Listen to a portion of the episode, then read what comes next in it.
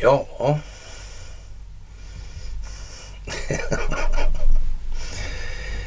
Jag tänkte jag skulle läsa lite historia idag som ingress.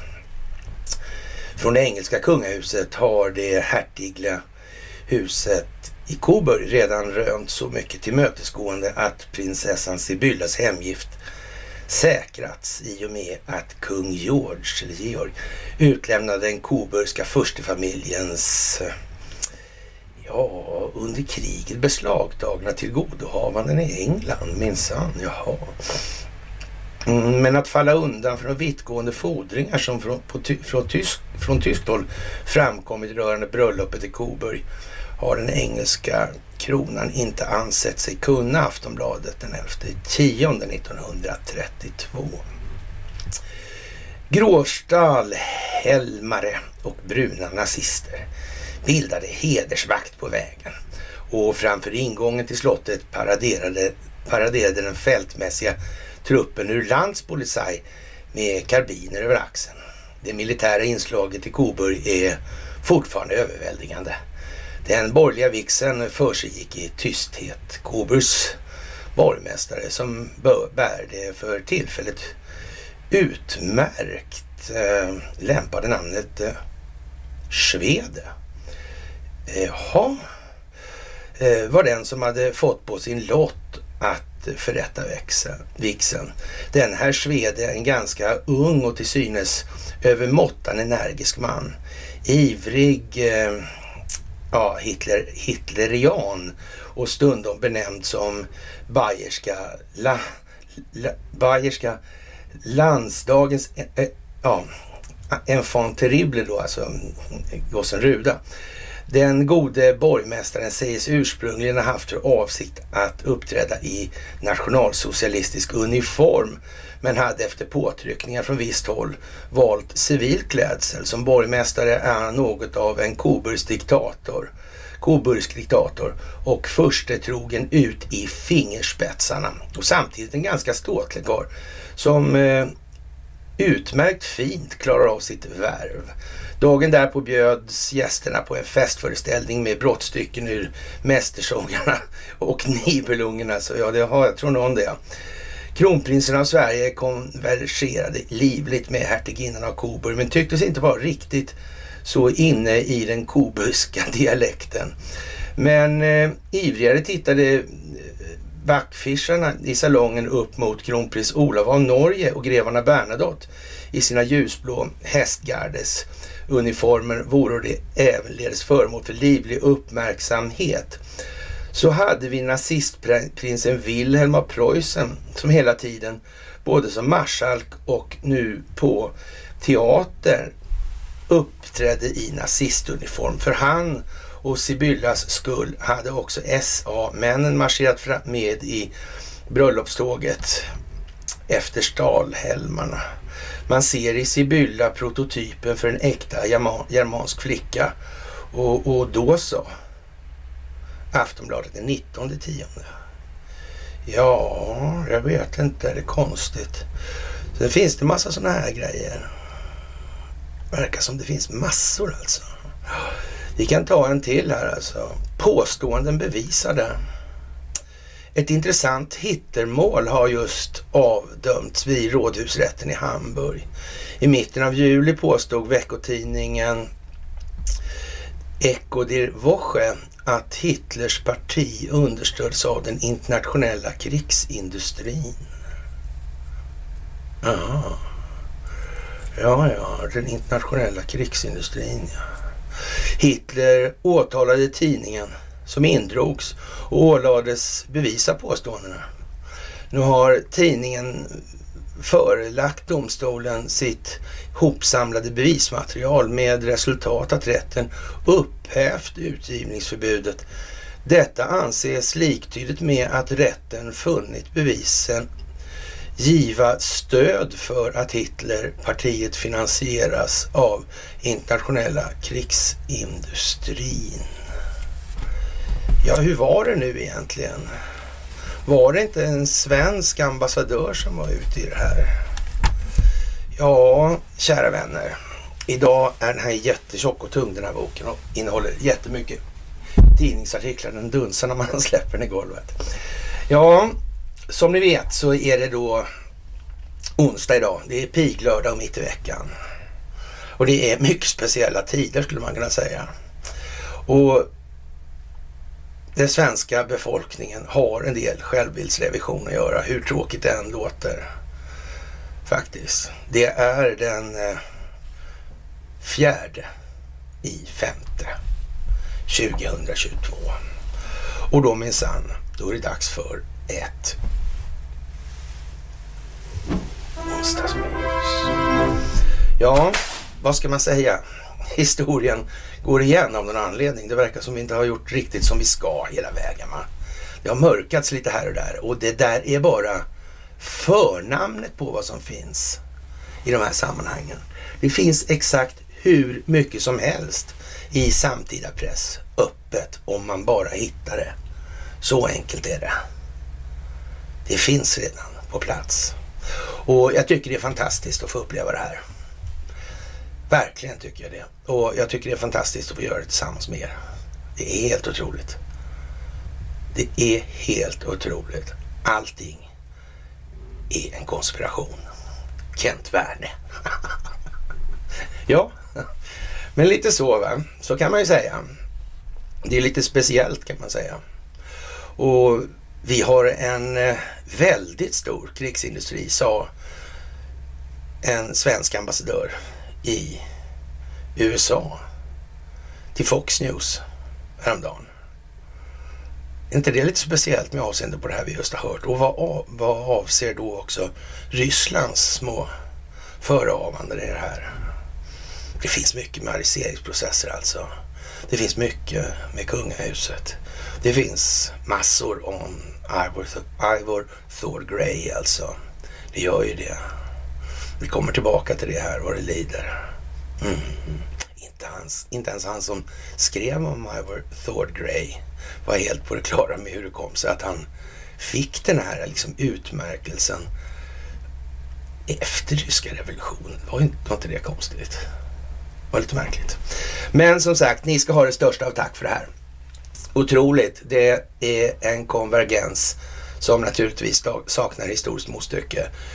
Ja, definitivt för det här landet, men jag skulle säga ja, inte vara sån, men eh, ja, kanske till och med på hela jordklotet. Vem vet alltså? Vem vet hur det är?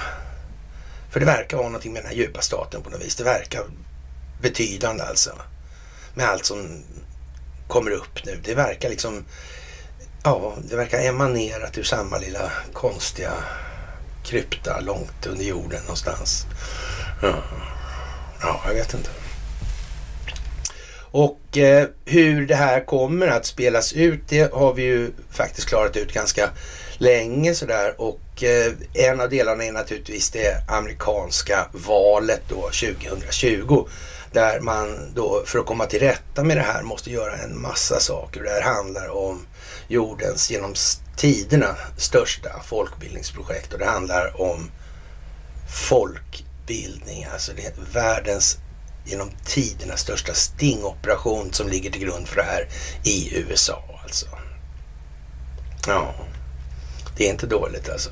Ni ska ha tack för gåvor på Swish och Patreon. Ni ska ha tack för att ni fördjupar er på karlnorberg.se. Ni ska tacka för att ni hakar på Telegramtjänsten. Och som vanligt ett jättetack för att ni hjälper till att sprida det här Free People's Movement svit, eller den här sviten alltså som finns och det är korta lättbegripliga klipp på engelska. Alltså. Det är väldigt viktigt nu. Som ni själva förstår så kommer det här ta vägen på ett sätt som det är nog bra att det svenska folket är så medvetet som det bara någonsin möjligen kan bli alltså. Vi har ingen liten uppgift inför oss här alltså. Det är ett enormt ansvar. Man skulle kunna snacka om de här Aldrig har så många haft så få, liksom, vad det nu är man ska säga, vad det blir av det här. Men eh, vi kan ju bara göra så gott vi kan och det kan vi vara helt nöjda med efteråt oavsett vad det innebär. Då har vi försökt och det är det som kommer att spela roll. Så länge vi försöker så kommer vi också att lyckas. Så är det. Ja, och eh, ja, det här med valet i USA är ju helt otroligt i de här tiderna. Och det handlar mycket om det här mellanårsvalet nu i november. Det kommer bli en storstädning i kongress och senat av aldrig skådad like. Så är det. De här kulisserna faller nu en gång för alla och det här gäller naturligtvis även i Sverige. Det här partisystemet har så att säga gjort sitt i de här sammanhangen. Har man en gång satt sin fot i riksdagen så kan man nog vara tämligen övertygad om att man inte kommer in där igen så lättvindigt som tidigare har varit fallet i alla fall. Så är det helt säkert. Ja, och vi, ja vad ska vi börja med? Vi kan väl börja lite i Ukraina till exempel. Så där har man ju ett problem nu här eller rättare sagt, man har ingen, ja det har man ju naturligtvis i Ukraina, men man har även rätt så, så påtagliga problem i till exempel USA. Och, och det, det, här är lite speciellt faktiskt. Och det, det är lite, man, man, kan säga att anal, analogin i det här, den är eh, allt annat än otydlig skulle vi kunna säga då.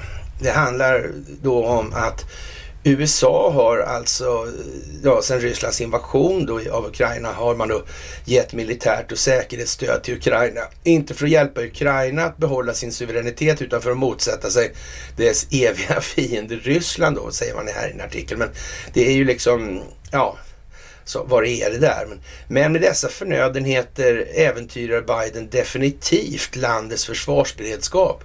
Trots att USAs vapenlager minskar ökar Biden-administrationen sina leveranser för att hjälpa Ukraina mitt i konflikten. Alltså. Och en rad vapen som har levererats här, C4 Haubits, C4 haubitsar, Javelin, ja, pansarvärnsmissiler, M17 helikoptrar, pansar, Humvees och så vidare och så vidare och så vidare. Switchblade-drönare och, och ja, Claymore antipersonalminer, Stinger-missiler och andra vapen har levererats och de är på väg till Ukraina alltså. Och det här har man gett bort i en sån omfattning, speciellt de här 5500 Javelin PV-missilerna då. PV, alltså pansarvärn för er som inte riktigt är med på det här. Till Ukraina och, och, och det är liksom ja, på mer än två månader alltså. Och det där är liksom lite eh, speciellt alltså. Och enligt analytiker har USA också skickat ungefär en fjärdedel av sitt lager av de här axelburna Stinger-missilerna till Ukraina.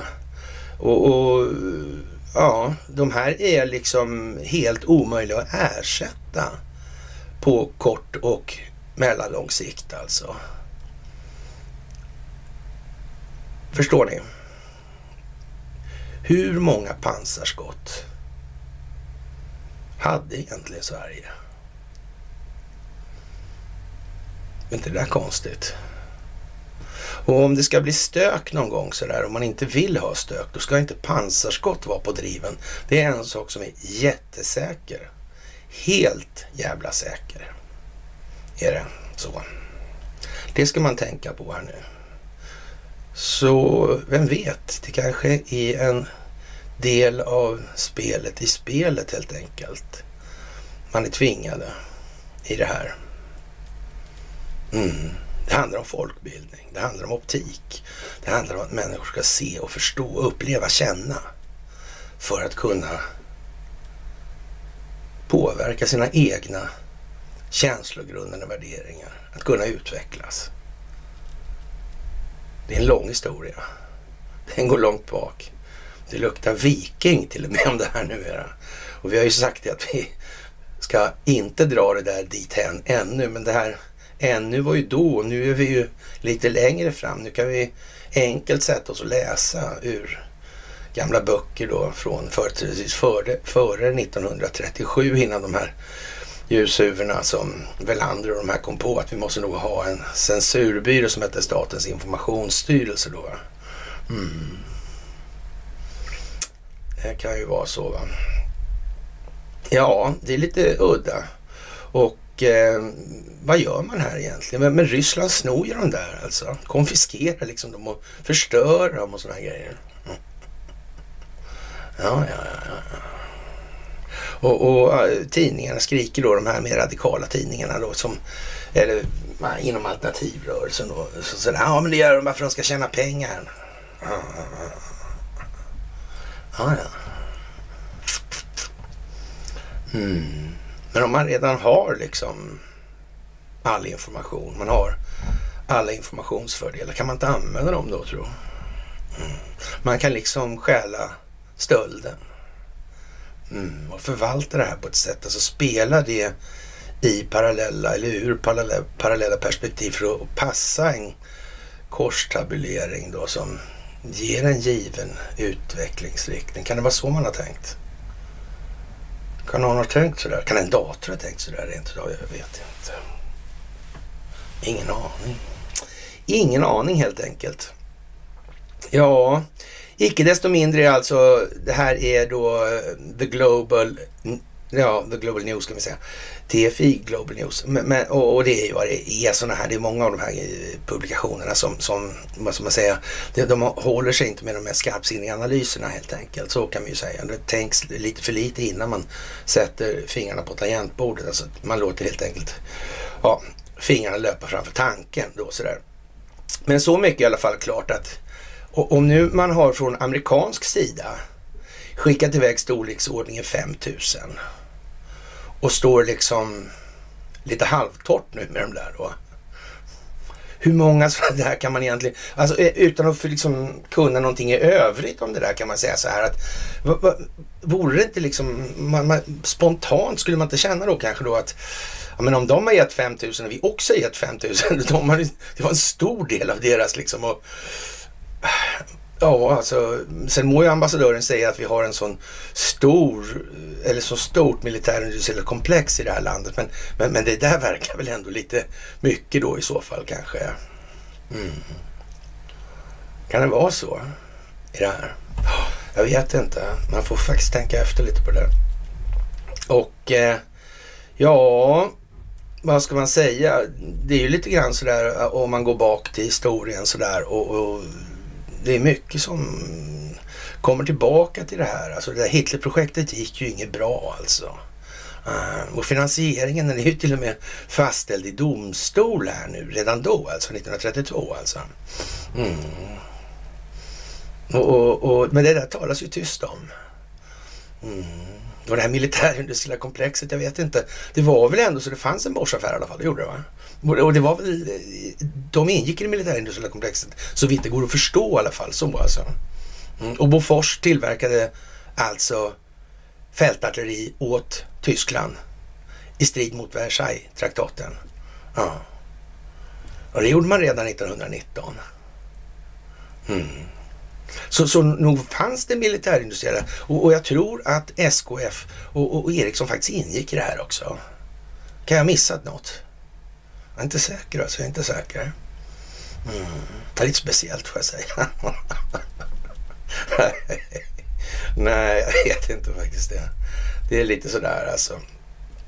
Jaha, och, och vi har ju då liksom på, vad ska man säga, rätt givna grunder postulerat vad som ska hända i det här med, det här med NATO och ja, så att säga ja, EU och de här grejerna. Och de här prylarna är ju liksom någonting som sitter ganska intimt förknippade då med och, och, och ja, underrättelsetjänstkollektivet alltså och, och framförallt då den amerikanska underrättelsetjänsten CIA, alltså deras utrikesunderrättelsetjänst. Och det kan man ju tycka då får man tänka lite här alltså.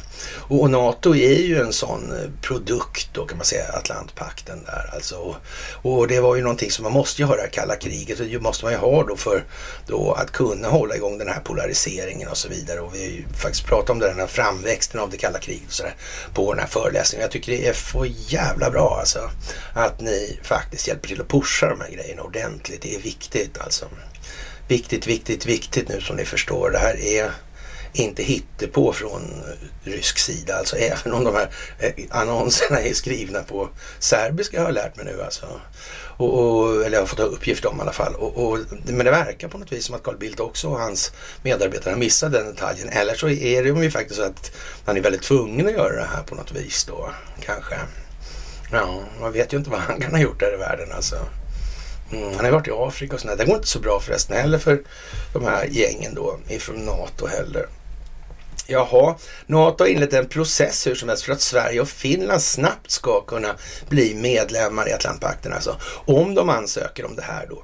Processen mellan en ansökan och formell inbjudan från NATOs 30 medlemsländer kan bli så kort som två veckor alltså. Mm. Det är enligt uppgift till norska Världens Gang alltså. Efter en formell inbjudan ska medlemsansökan formellt godkännas i alla NATO-parlament, liksom i Sverige och Finland. Något som kommer att ta många månader, men då har man ju kommit överens om att man ska få en sån här understöd under den här tiden då. Och, och, det kan man ju tänka, som sagt, vi har ju sagt då liksom vad det finns för presumtiva spelordningar i det här och det har ju att göra med vad som händer i USA där och där, om det valet, alltså valfusket och sådana här saker alltså. Ja. Och de här, uh, ja, det är massa oegentligheter där med olika saker. Alltså. Planned Parenthood som grundades av svenska, eller Planned Parenthood International då som är den största ja, parten på organhandelsmarknaden alltså. Mm. Grundades alltså av svenska RFSL då. Mm. Det är konstigt, det var Margit Sanger där och Ja, Gunnar Alva Myrdal. Konstiga grejer alltså. Det går liksom igen alltså. Är inte det konstigt? Hur det kan bli? Man, man får nästan intrycket att det finns planeringar i de här sammanhangen. Eller? Jag tror det. Jag tror det. Jaha. Eh, kan du berätta varför Sverige inte skriver på kärnvapenkonventionen då? Och det gäller ju då den här herr Dahlgren då, alltså och, och jag vet inte. En, en, här, en av Palmes pojkar kallar man det för. Alltså. Ja, varför skriver, han inte, skriver man inte på då? Får han frågan idag i Svenska Dagbladet. Därför att det ja, Förutom bristerna i texten är meningslöst om de stora inte är med. Jag och Carlson träffade Reagan i Washington 88. Reagan kom direkt från Island där han förhandlat med Gorbatjov. Han visade med fingrarna, så här nära var det att jag och Gorbatjov avskaffade alla kärnvapen. Möjligheterna finns, men eh, det spelar ingen roll om vi är ensamma och skriver på. Man måste göra det tillsammans alltså. Hasse har varit med lite alltså. Han har varit med lite grann alltså. Mm, konstigt det där. Mm, han har nog en och annan hållhake. Den sparkar de inte ut så lätt. Och han vågar liksom inte sluta heller tror jag, för då är det nog färdigt. Ja, han är den enda som är kvar. Konstigt. Alla andra är döda och begravda av en eller annan anledning. Varför kommer det upp det här upp nu? Hur var det med kalla kriget? måste ju finnas. Mm. Det gick inte alltså. Konstigt där alltså. Reagan förhandlar med Gorbatjov och Reagan ville avskaffa kärnvapnen. Hade inte han utsatts för mordförsök också förresten, där Ronald Reagan? Det var han va? Ja. Ja, ja, ja, ja.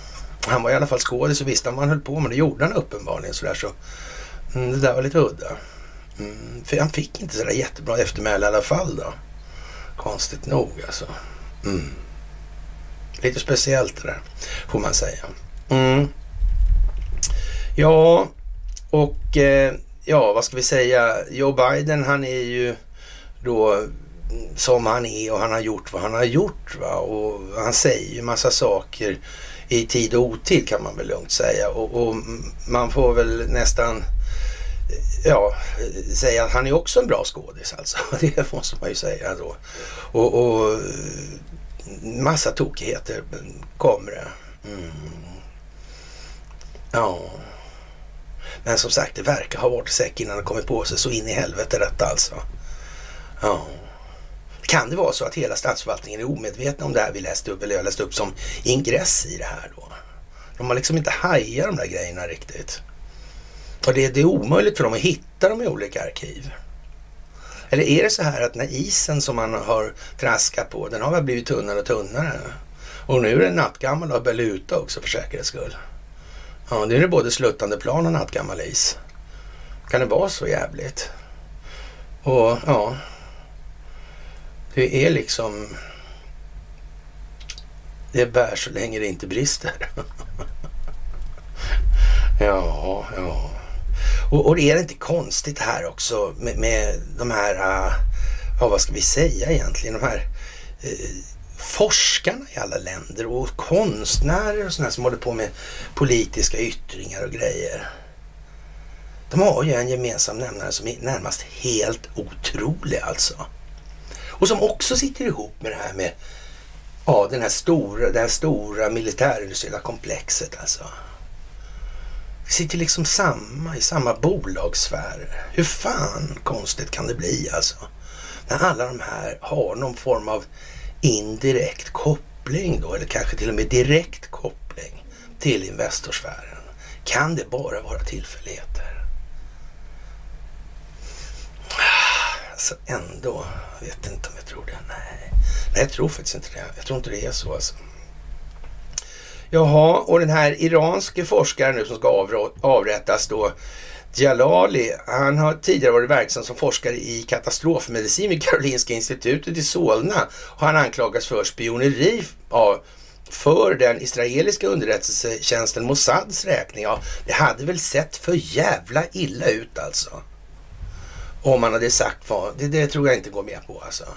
Och, och, om någon tror att man har kontroll på sin egen telekominfrastruktur i Israel så är det möjligtvis fallet på ja, långt senare tid än vad folk föreställer sig.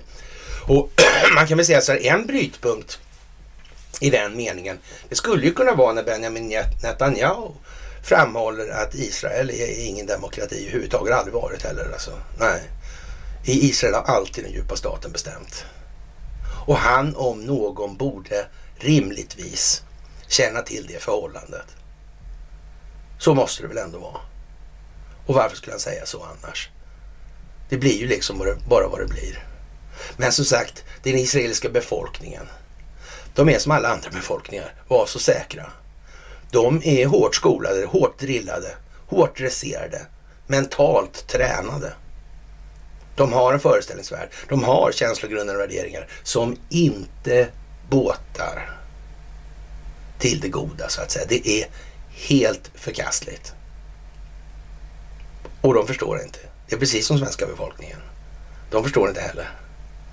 I långt fall, eller eh, i vart fall i en alldeles för liten omfattning förstår de det här. De måste förstå bra mycket mer. Och det är vad vi håller på med. Det är upplysning. Mm. Det är folkbildning. Mm. Det var det Ja, och eh, det är liksom en lek med ledtrådar i allt det här. Och man kan ju säga alltså att, eh, ja, man, man, får läsa mellan raderna för svenska medier kan ju liksom inte svänga hur mycket som helst och sådär. Då blir det ju helt stolligt alltihopa. Så de måste liksom kliva på liksom i lagom takt och en del måste hålla fast vid vad de har gjort och en del är alltså informerade om vad det här är för någonting om de gör det här. Antingen de vill eller inte så att säga. Mm. Det är ju lite så va.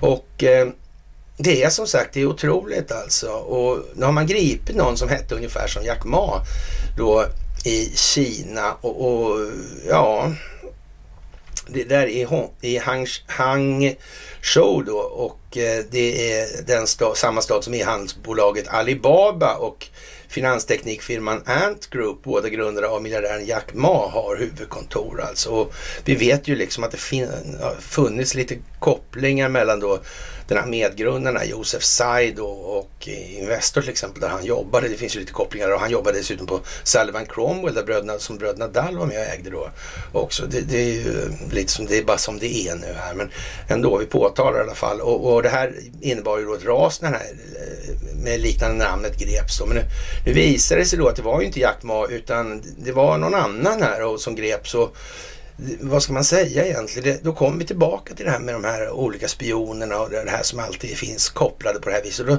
den här personen då som, ja, Ja, han, han, ska vara anklagad för försök till omstörtning av statsmakten och utgöra risk för den nationella säkerheten enligt kinesiska medier. Han uppges ha hjärntvättats av personer med antikinesiska åsikter. Vi kan inte låta bli att dra oss till minnes det här med att den senaste tidens tråkigheter beror på att ett fåtal svenskar på ett brutalt vis lagt sig i Kinas inre angelägenheter. Det är eh, lite för många kopplingar mittemellan här faktiskt.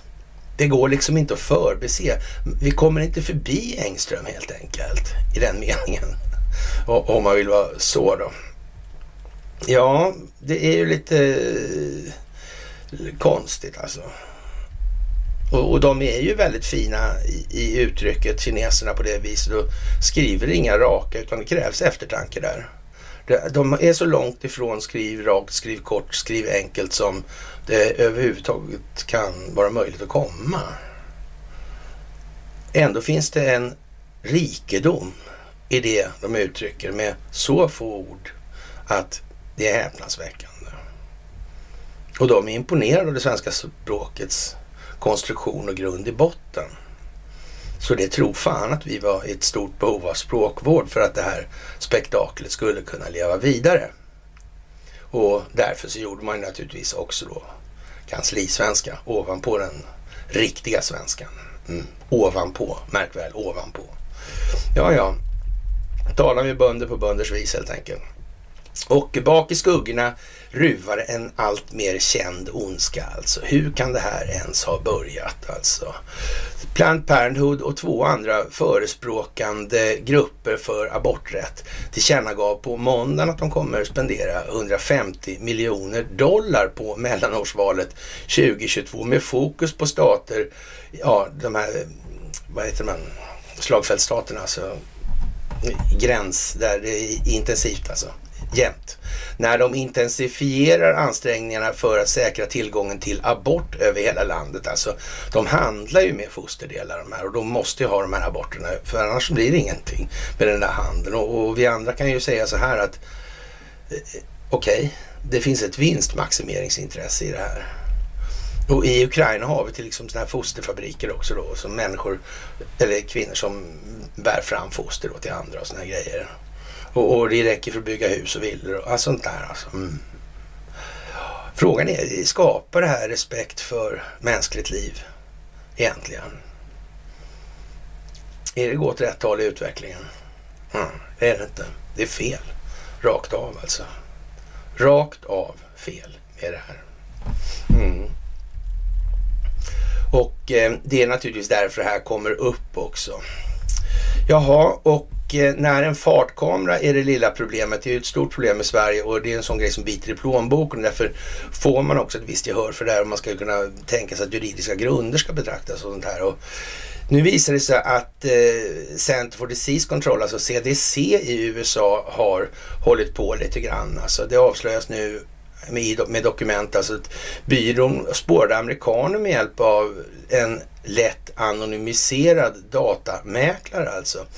Och, och det här verkar ju så lite konstigt då. som CDC då köpte tillgång till tiotals miljoner amerikaners platsdata för mobiltelefoner under sken av att spåra efterlevnad av covid-19 kontrollåtgärder. Men eh, Ja, och använder slutligen informationen för att utföra mer komplex och svepande övervakning enligt dokument som erhålls genom en FOIA-förfrågan från Motherboard som publicerar sina resultat på tisdagen, alltså igår. Dokument vis dokumenten visar också att byrån använde det, även det hotande spöket från covid-19-pandemin för att rättfärdiga att snabbt skaffa omfattande platsdata för mobiltelefoner om tiotals miljoner människor. Och använd, det här, användes, den här informationen användes till slut bara för mycket mer än bara att övervaka efterlevnaden av utgångsförbud och sociala distanskontroller och åtgärder då. Utan amerikanernas besök i skolor och platser för till, religiösa tillbedjan mättes på en detaljerad nivå medan ett annat program fokuserade på att övervaka effektiviteten av politiska ja, ingripanden inom Navajo-nationen, Navajo-stammen då och ett annat koncentrerar sig på exponering för vissa byggnadstyper, stadsområden och våld då. Och ja, vad ska vi, ska vi säga liksom? Det, det är ju, var ju en tråkig historia. Tänk att det var så. Vem kunde ha anat det. Det verkar som att allting bara blir värre. Fast det har ju inte blivit värre. Det är ju bara att vi ser att det har blivit värre. Det liksom exponeras. Det blir en optik som gör att vi kan se det här. Mm. Och, och, det är ju så liksom att eh, en del fattar ju på första raden då, eller första bokstaven man ser, eller man ser en bok liksom, så kan man nästan räkna ut vad som är i den där boken. Ja, och andra kanske måste läsa hela boken för, för att, och få en bild av vad det här handlar om. Så är det också. Mm. Och det är det som sker nu. Det här är folkbildningsprojektet nummer ett i mänsklighetens historia. Och vi lever mitt i det. Noga räknat väldigt nära kärnan, eller står på kärnan, eller hur vi nu ska uttrycka det som. Alltså. Ja, och eh, ja, man, man får nog nästan säga att eh, det här med, med covid och vaccinen och såna här grejer alltså. Det kommer nu massa signaler från till exempel Norge då med folk som har fått biverkningar av de här vaccinerna. Och det, naturligtvis är det många som tar det där så blir det några som får biverkningar, det är helt säkert. Men, men, man har ju sagt då, liksom från norsk sida i alla fall, när det har framkommit att det här är fastställt att det är faktiskt från vaccinet. Då, då. Och, och, då säger man helt enkelt från norsk sida att det var helt frivilligt att ta det där. Det har aldrig funnits något krav. Nej. Och kanske är det så att det räcker inte med penningpungen. Faktiskt. Det måste bita, det måste göra ont, det måste lidas. Visdom är bara helat lidande. Det finns inget annat. Sen kan man försöka maska undan. Men alla måste lida sin beskärda del av sitt liv för att nå visdom. Så är det. Och eh, då är inte Mello och det här intellektuella bedövningsmedlet som, ja, det är vad det är helt enkelt. Ja, vi får väl eh, se helt enkelt vad det här landar i då så småningom. Mm.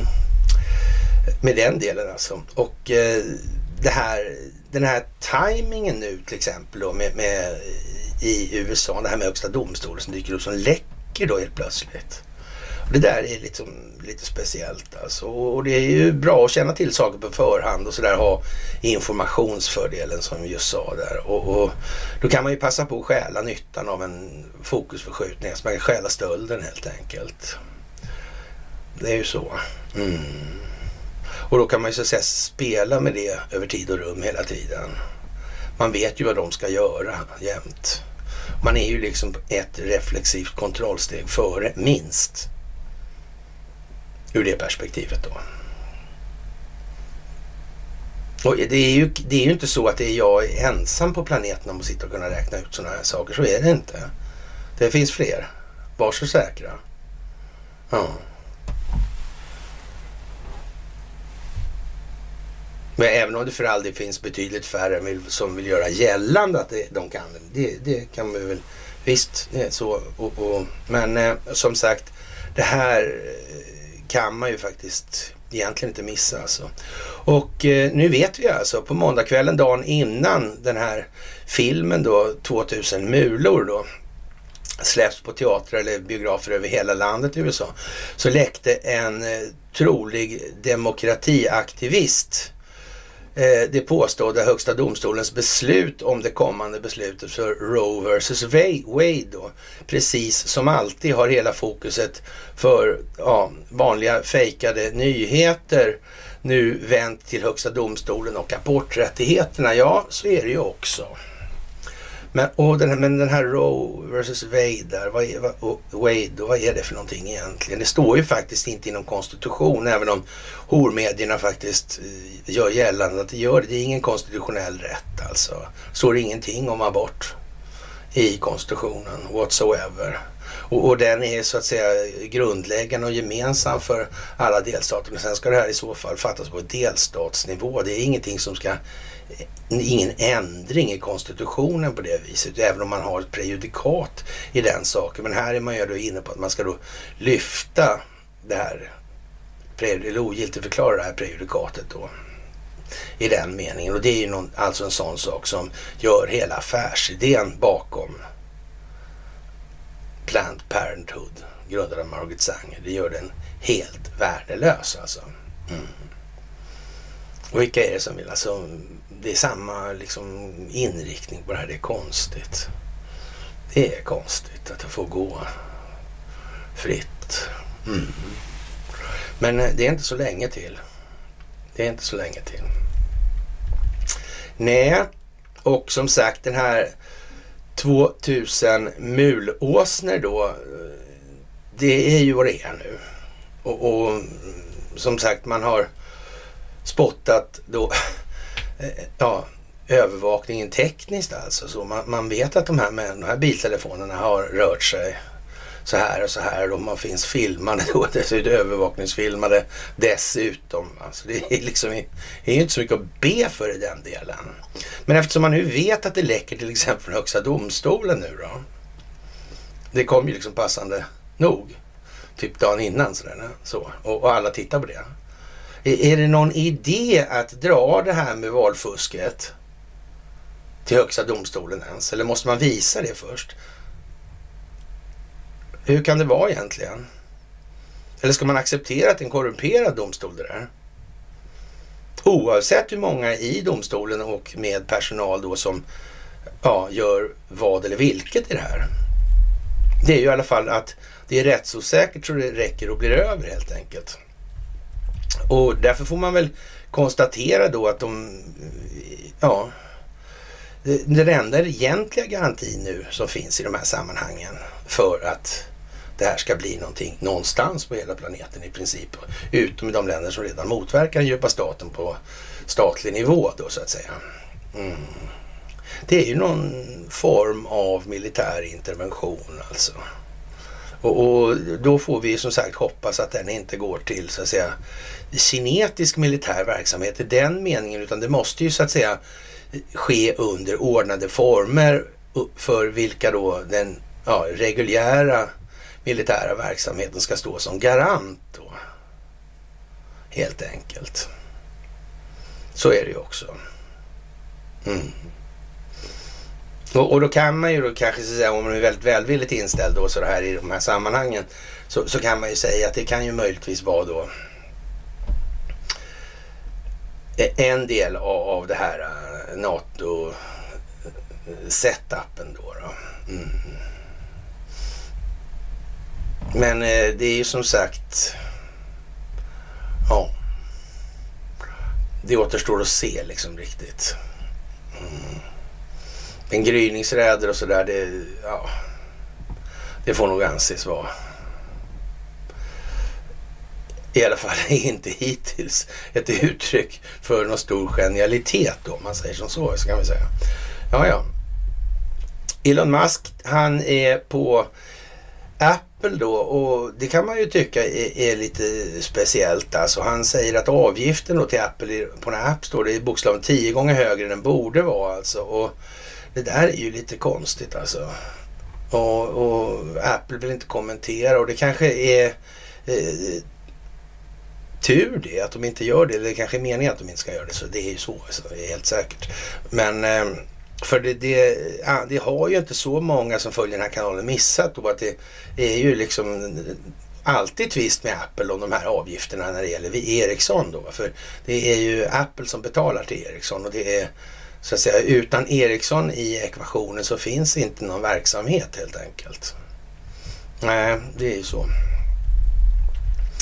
Jaha, och eh, NATO måste ta då Ukrainas varningar då, eller alltså NATO måste ta Putins varningar angående Ukraina mera allvarligt och, och ja, visserligen på zero hedge, men problemet med många av de här sidorna är att de tittar ju på, på tillvaron i termer av länder fortfarande alltså. Det finns ingen sån där eh, djupaste av de här spionerna som de eh, liksom håller på, det är för länder det också. Va? Det är inte någon, någon jävla militärindustriellt komplex och underrättelsetjänstkollektiv i det där. Som, de, de finns inte med i, i den globala ekvationen på något vis, utan de är för varje land då så att säga. Det finns inga som påverkar och sen kan ju, man kan ju tycka då att eftersom det inte finns något ja, utrikesdepartement som klarar sig utan en underrättelsetjänst och ingen underrättelsetjänst som klarar sig utan en telekominfrastruktur. Då kan man ju tycka att kanske någon skulle kunna tänka sig, i alla fall räkna ut lite grann att nej men fan, och, och, och, de handlar med underrättelsetjänst, jaha. Eller med underrättelsetjänstinformation då. Jaha, ja, ja, ja, ja, ja. Ungefär som efter, ja, eller vi ställer på Raris kanske då, så om man kunde ge till båda sidorna dessutom. Fantastiskt alltså. Hur kommer det sig att man kunde ge till båda sidorna? Ja, det måste bero på någonting i alla fall, det är helt säkert. Ja, Mm. Och vilken sida var man själv på? Var man på tredje sida då kanske? Om man kunde ge till de båda andra. Annars var man ju på någon av deras sidor. Och vilken var det man var på då? Det är ju lätt hänt då. Man tänker då kanske sådär att Ja men eh, nu var de ju tydligen då eh, lite bröllopssugna och allt det här. De hade ju till och med en rolig borgmästare som hette Swede eller Svede. Ja, ja, ja, ja. Mm. Tänk om mig Clinton-filmen förresten. Ja, alltid sådär med de där. Mm. Ja, han såg ju arisk ut och det där är ju lite konstigt för det, det är lite konstigt alltså för det här med arier och sådär det är ju lite det är sanskrit egentligen, det blir ädel alltså. Ja, och kriget, arianska krigen, vad var det för någonting? Det var en lirare som sa att Jesus, ja, han är en människa som alla andra skapade av Gud, alltså en del av alltet alltså. Mm, mm. Men det gick ju inte att, att, att köra liksom det här med, med kristendomen på det viset. Det gick, funkar inte för Konstantin och Athanasius. Där. Det var därför kom den här då, synoden i Nicea 325 efter Kristus alltså. Mm. Och så slängde man bort och grävde ner en massa uh, evangelier. Mm. Det var liksom maktspelare där. Konstantinopel. Uh, mm. Konstigt. Ja, undrar vad fan Kirill bröt med Konstantinopel. Det var för Ukraina gjorde. Men skulle det kunna vara så att eh, kyrkan i Ukraina gjorde det väl medvetna om vad det skulle leda till? Det skulle det kunna vara. Det kanske är dags att ena kristendomen. Men frågan är om det ska göras under påven. Nej, det, det, är inte frågan. Det är helt säkert inte frågan. Det kommer reformation den vägen, helt säkert. Jaha. Och eh, analys, franskt fiasko i Mali en rysk, är en rysk triumf. Och, ja, ja, det där är ju naturligtvis i, på SVT och det, det är väl kanske lite sådär halv...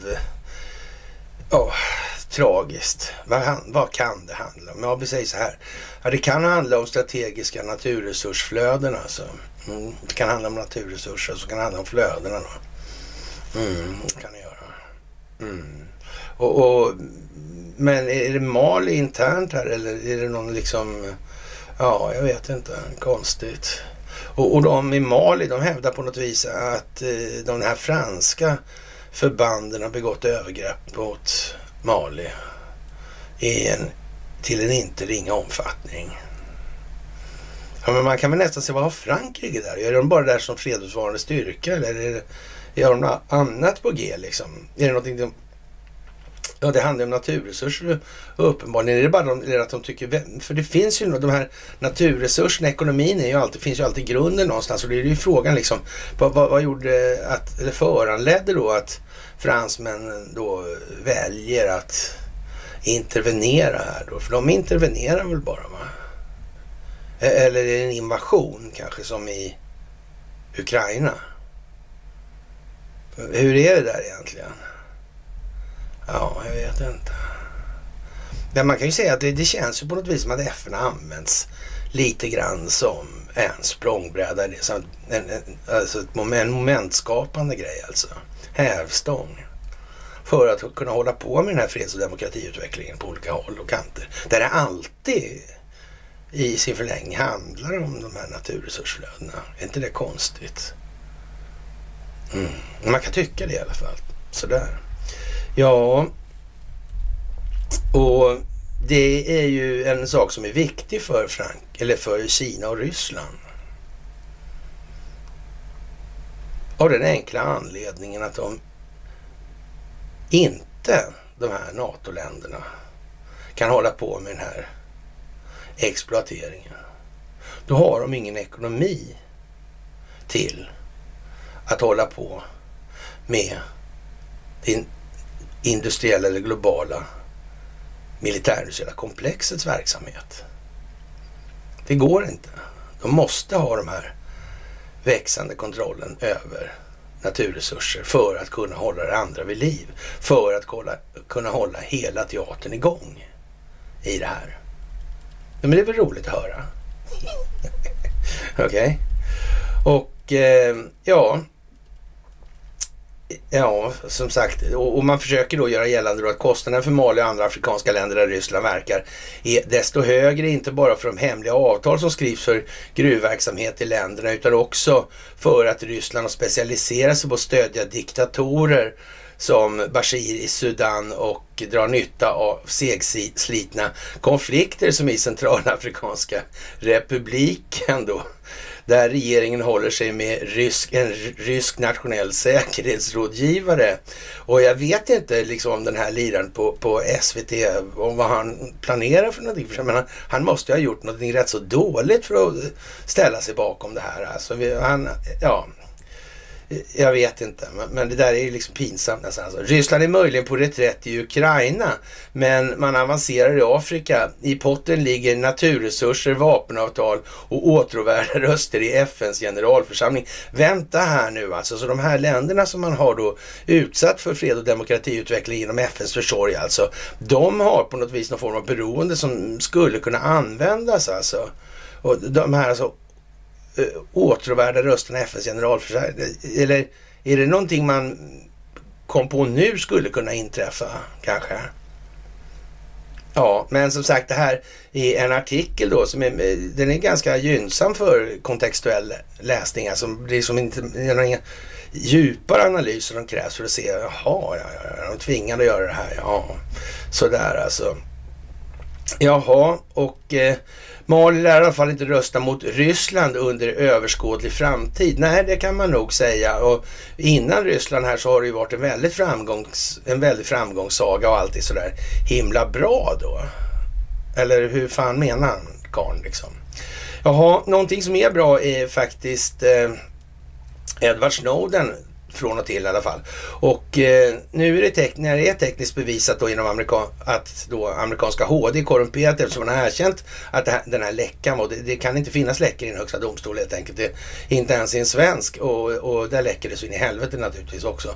Och, och naturligtvis svenska rättssystemet är en ren parodi på allting som överhuvudtaget finns i de här sammanhangen. Det förstår vem som helst i det här läget. Vi har ingen maktdelningsprincip utan vi har en folksuveränitetsprincip. Det är som och, och juristerna har ju inte sprungit, sprungit benen av sig för att rätta till det här heller. Det, det är så många fel så, så det liknar ingenting alltså.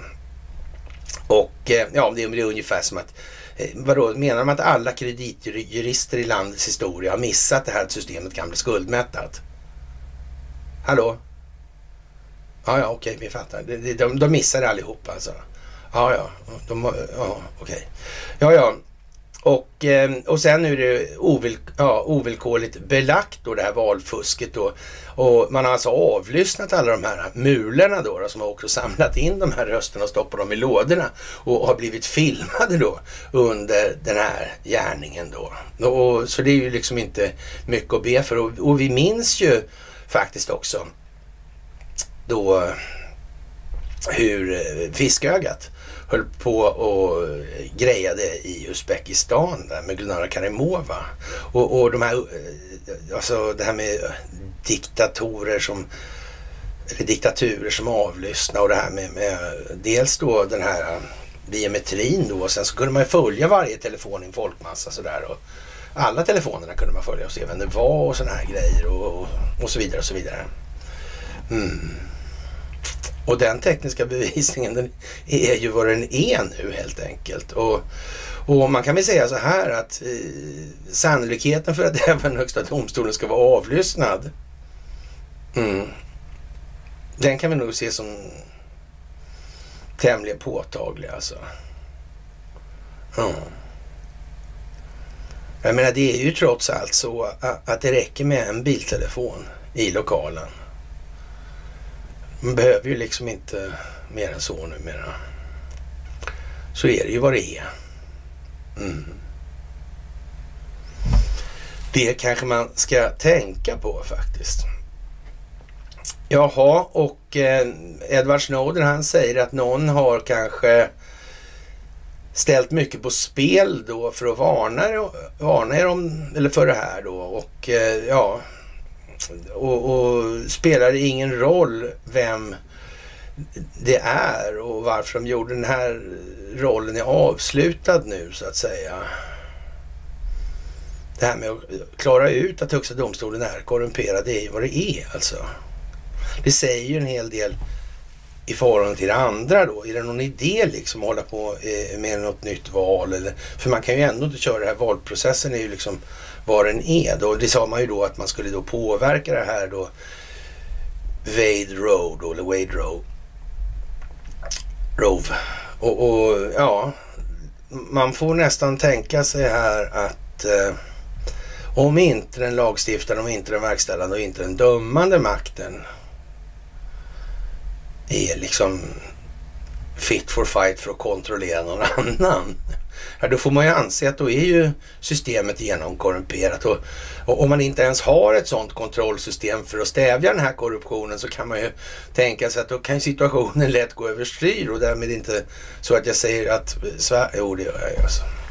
Där har vi alltså beskrivningen av situationen i Sverige alltså. De har i alla fall system för att det här kanske eh, skulle kunna vara någonting som någon hade ambitionen att hantera. Men då måste man ju också säga så här, och nu har man ju så att säga visat då att nej, det går inte för det är korrumperat. Då finns det inget annat att göra. Det här egentligen, den här stingoperationen under militär garanti är ju liksom, ja. Mm. Man kan ju säga, också kan man ju säga så här som vi har hållit som vad vi tycker skulle vara bra liksom. Det är ju faktiskt att några av de här, eh, ja, byter fot helt enkelt och anpassar sig lite till verkligheten och, eh, och gör en avbön då för helvete och förhandlar och så, ja. Men det sitter för djupt alltså. Det sitter för jävla djupt. Och det är bara att acceptera. Man får hoppas att det, och man ska hoppas att människan är god. Alltså ger man upp det där, ja då är det liksom vad det är. Och då har vi till slut kalla kriget helt enkelt. Det duger inte alltså. Bara för man har en så att säga taskig självsyn själv då så ska man liksom inte klava på den på alla andra alltså. Det är ju ganska bra att tänka på nu. Jaha, och eh, Socialdemokraternas interna dialog om NATO är en demokratisk problematisk skenprocess, säger Aftonbladets kulturchef Karin Pettersson till SVT. Pettersson gör bedömningen att eh, socialdemokratin redan har bestämt sig för att partiet ska förorda en svensk anslutning till försvarsalliansen. Hon beskriver det som att S agerar i panik alltså. Ja, ja nu vet inte jag liksom om, om Pettersson kan man givetvis inte ta på allvar överhuvudtaget men man, man kan ju säga så här också. Om hon lyfter blicken en millimeter ovanför nästippen alltså så, så skulle hon ju faktiskt eh, ja, men, men det är ju inte meningen alltså. Utan det här är något jävla... Eh, eh, hon är tvungen helt enkelt. Och man kan säga att de som är tvungna att skriva den här, på den här delen av, om vi kallar det för då liksom en, en linjal, då, en opinionsbildningslinjal, de som är tvungna att fortfarande framhör, framhärda då att eh, vad de här partierna gör eller inte gör med avseende på som har varit. Vi kan ju titta då om det här som vi läste upp nu, det stod i Aftonbladet 1932. De lär ju inte ha missat fortsättningen om jag säger som så alltså. Hur, det här var 32 alltså. Och de kan inte ha missat då att Hitler kom till makten 33. Och fortfarande är det militärindustriella komplexet som ligger bakom, alltså det här industrifinansieringen, den industriella finansieringen han har. Ja, och han kan inte, de kan inte missa ariseringsprocesserna, kan de inte ha gjort alltså. Ja, och, och så det var det klart att de måste göra en utredning för syns skull, en skenutredning då. Statens offentliga utredning, eller Statens offentliga utredning 99 20 alltså. Mm. Och den hölls av Göran Persson som ansvarig för den. Ja, han, mm, seriösa kille där. Mm. Och, och de kom inte kom fram till slutsatsen att det här gick inte Eh, ja, det kunde inte uteslutas att det var en massa dåliga sätt här, men det kunde de inte ta, ta ställning till helt enkelt. Nej. Mm. Men det räcker ju inte det. De måste kunna tänka lite grann och, och så. Det räcker inte. De kan inte skriva eller friskriva sig helt. Det, räcker då att de skriver bara någonting så finns det alltid någon näsvis jävel som kommer liksom, jaha du. Men du, om vi tar och kollar det här borta, för det, de kan aldrig kolla hela omvärlden och så länge det finns sådana här böcker till exempel då, ja, då är det ju bara liksom, nej, eh, Nej. Så är det bara liksom. Det går inte längre. Informationsrörligheten. Informationsrörlighetsriktningen är horisontell till större delen nu. Mm. Där bröt det. Mm. Och de här vertikala ja, trumpeterna som har funnits då, alltså bullhorn och, och katlahornet och, och ja, så. Gamla fornnordiska horn också. Jallarhornet där med Heimdall. Så det, ja. Det kan ju vara så att man har gjort mask till en Heimdall kanske. Han bara klev i där alltså. Han har ju 90 miljoner följare på Twitter. Mm. Om han nu tittar på den här Åsne-filmen då alltså. 2000 mulor. Mm. Och kör lite tweets sen. Då spelar det liksom ingen roll om han är ägare eller inte. För de kan ju inte gärna stänga av. Det, kan, nej, det kommer inte bli bra alltså. Mm. Det där blir lite tokigt nu alltså. Nu är, nu är det så att säga färdigspantat. Ja. Nu ska bara formgivningen tätas liksom i det här. Eller de här luckorna i dammen som har så jättemånga nu. Det är full bredd liksom som de öppnas bara mer och mer nu. Och nu kommer det bli fullt flöde. Det är en spelväxling som sker nu som vi befinner oss i. Pettersson tycker i alla fall att hon har bestämda intrycket att beslutet redan är fattat på grunder som vi medborgare inte känner till, säger hon till SVT. Och det kan man ju säga är helt rätt i alla fall. Och, och vad de här grunderna är för någonting, det kan man så att säga möjligtvis diskutera i någon mån i alla fall. Men som sagt, hon verkar inte förstå så stora delar av det där så det kanske är ingen idé faktiskt. Ja, och eh, ja, tillfrågad av SVT, det kommer att nysa snart. Alltså. Så ville inte partisekreterare Thomas Bodin kommentera Petterssons uttalanden utan att konstatera, utan konstaterar att partiet gjort bedömningen att frågan kräver ett högt tempo. Mm, det är nog helt rätt alltså. Och som sagt den här spelväxlingen som har varit sista dygnet nu, eller från i måndags kväll då kan vi säga, efter vi hade gjort myset.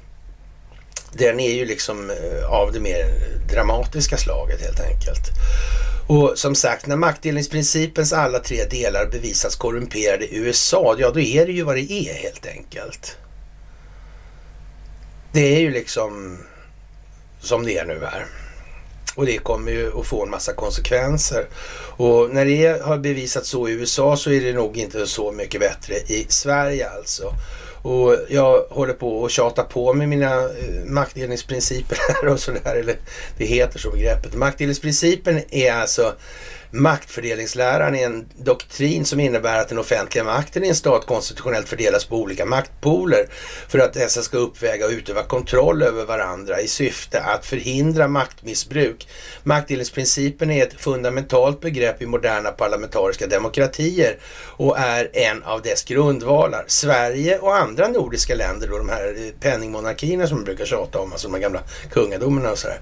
Och eh, ja, andra nordiska länder, är några av få länder som som inte tillämpar maktdelningsprincip, alltså då, istället, då dessa istället tillämpar en folksuveränitetsprincip, vilket innebär att all offentlig makt utgår ifrån folket och, och för att styrka det så påstår man då, visar man då att det står faktiskt i regeringsformen 1.1 där.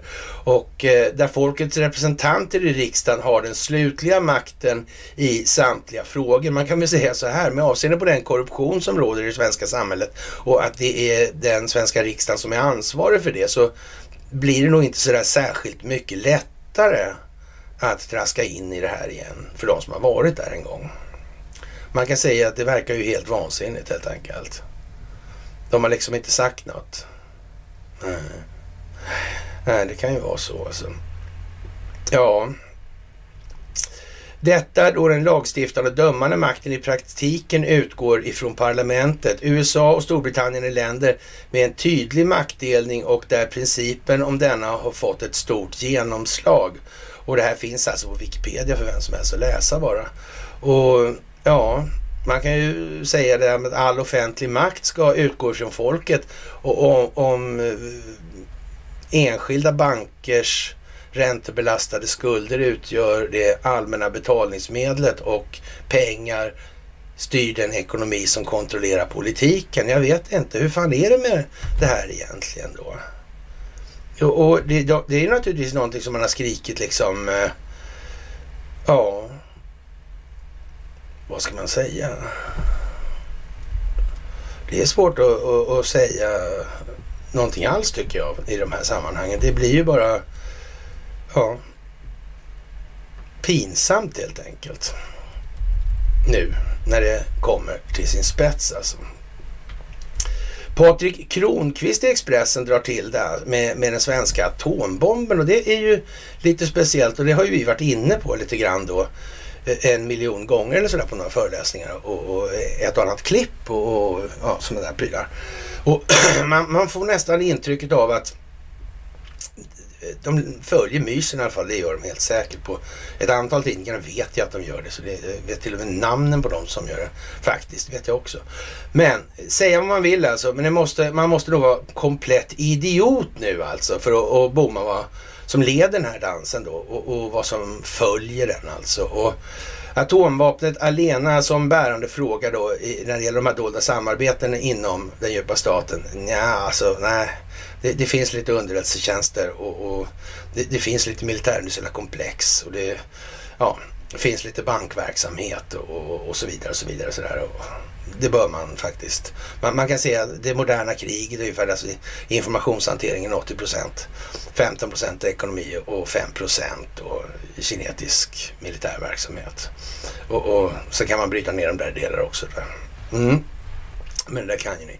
Här har vi alltså Ja, vi, vi bortser då när vi, när vi ska skrodera lite kring den här artikeln. Så vi bortser då även från helt imbecilla teser i texterna. Så tänk på det här med verkliga sammanhangen då, alltså med Lisa Meitner och Ljungaverk och Norsk Hydro och ja, Christian Birkeland och det där brevet 1906. Och han hade viss, han, hur han nu kunde veta det om han inte hade gjort de experimenten. Och han var i Japan där, så nu skulle han hem där 17 och ja, så var det rysk revolution. Så han, han, nu tog han livet av sig innan där och, och avhandlingen den försvann ju på något märkligt sätt och så vidare. Det kommer ni ihåg när vi pratade om det här många gånger. Och eh, ja, eh, ja, han skriver så här i alla fall. Men av flera skäl blev det aldrig några atombomber i Sverige. Alltså det viktigaste var att USA eh, ja, låg på för att stoppa projektet. I utbyte fick Sverige hemliga amerikanska säkerhetsgarantier. Ja, eh, ja som sagt alltså. Ni känner till det här med familjen Dall. Ni känner till ja, framväxten av det moderna militärindustriella komplexet och framväxten av ja, underrättelsetjänstkollektivet och så vidare med allt ifrån vad Stella Polaris och, ja, och bakom också, vi ända bak till början på 1900-talet med rysk-japanska kriget. Det här Birkelands brev till exempel. Första försöket i ryska revolutionen, där sju och så vidare. Och vad som hände parallellt då i USA och så vidare hela tiden. Och det är samma gäng som ligger bakom det här. Och en, så säga, ett intresse eller en intressesfär i det här är alltså Investorsfären som växer i det tysta genom att kapa på sig den större delen av det moderna kriget. De här 80 procenten liksom. De andra sitter där till slut alltså. Det, det går inte och, och, det är ju ingen match när man har den större delen där och som de är beroende av också. De kan ju inte liksom skicka ett enda telegram och göra en enda, enda bra affär. De får ju skicka brevduvor. Då är det brevduvor som gäller alltså. Om de sitter på allting som de har gjort. Och, och det, det, låter sig inte göras alltså. Den dagen de kom på det här, ja, då förbannar de nog sin egen gärning också. Lika mycket. För giriga var de fortfarande, det är alldeles säkert alltså. Ja, och Inloppet i Bråviken bär fortfarande tydliga spår av det svenska kärnvapenprogrammet. Vid klart väder så kan man se den hög, 100 meter höga kärnkraft verket då, Marviken milsvida omkring, alltså det ligger på Vikbolandet det här. Och vi har skrivit rätt mycket om det också då. Och här fyra mil öster om Norrköping skulle uran från Ranstad i Skaraborg omvandlas till plutonium i svenska atombomber. Den svenska linjen innebar att hela processen skulle ske inom landet. Tungt vatten skulle framställas i Ljungaverk och det vet jag att ni vet att vi har pratat om hur mycket som helst. Alltså allt ifrån den här eh, omlastning och vapenfabriken, då, omlastningsstationen då och vapenfabriken i Gälleberget till exempel. Och det var ju bara små grejer man skulle skicka ner till och, och, och ändå så på något vis så fortsatte det här. Mm. Vad märkligt. För det här var ju i alla fall efter andra världskriget. Det, det måste man ju säga. Hålla med Men, men tidsaxlarna blir ju för jävla tokiga alltså. Man kan säga att det verkar på något vis som att det här med Boschaffären alltså. Då var det jävligt nära alltså. För det här håller inte streck liksom tidslinjerna hur de beter sig. Före och efter. Där var det nära. Och där hade de tur. Och där klarade de sig undan med utpressning. Det måste ha varit utpressning. Det kan inte ha varit något annat. Då hade de åkt alltså. Det är bara så. Jaha, och det måste till då kärnvapen och såna här grejer. Helt enkelt. Och eh, ja, man skulle provspränga då i Nausta utanför Jokkmokk. Rikets ledning var till att börja entusiastisk inför tanken på en svensk atombomb. Tage Erlander och den inre S-kärnan gav försvaret, lite kul det var S-kärnan också, men, han menar inte det, det var roligt. Gav Försvarets forskningsanstalt FOA i uppdrag att rapport, arbeta med projektet. Under två somrar på 50-talet, 50-talet är alltså efter det andra världskriget, eh, måste man ju faktiskt som svensk även kunna inse alltså. Så, ja, 50-talet simulerades kärnvapensprängningar med hjälp av enorma konventionella bomber. Alltså kratern i Nausta har med tiden vattenfyllts och nu heter den då Foa Jaure, alltså Foa sjön då. Och, och, det måste man säga måste ha varit en göteborgare som kom på det där skämtet. Alltså det var ju fantastiskt roligt alltså. Vilken humor. Ja, precis.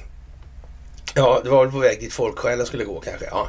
Men av flera skäl blev det aldrig några atombomber. Det viktigaste var att USA låg på för att stoppa projektet, alltså helt imbecilt. Ja, utbyte fick Sverige hemliga amerikanska säkerhetsgarantier. Ja, ja. Eh, därmed laddades aldrig kärnkraftverken i Marviken. Alltså när militär, det, och dessutom var Marviken från början en sån här eh, modern reaktor. Kan man säga. Också. En sån där som eh, liten mobil rackare. Mm. Och då, om man hade slagit igång det där, då hade det kanske blivit konstigt alltså. Man körde det på använt reaktorbränsle från de andra då. Det hade inte blivit något bra. Nej, faktiskt.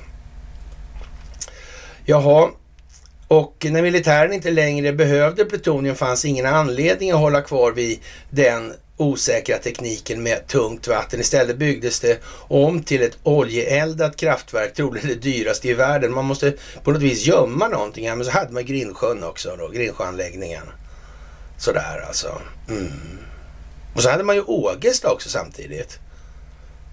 Ett, bara att få några kilometer bortanför Stockholms centrum, alltså citykärnan. Det kom man på var en bra idé i de här sammanhangen. Konstigt det där alltså. Det där hänger liksom ihop på ett sätt som man tror nästan att nu har de pundat alltså. Grovt alltså. Ja, de måste varit på fyllan helt enkelt.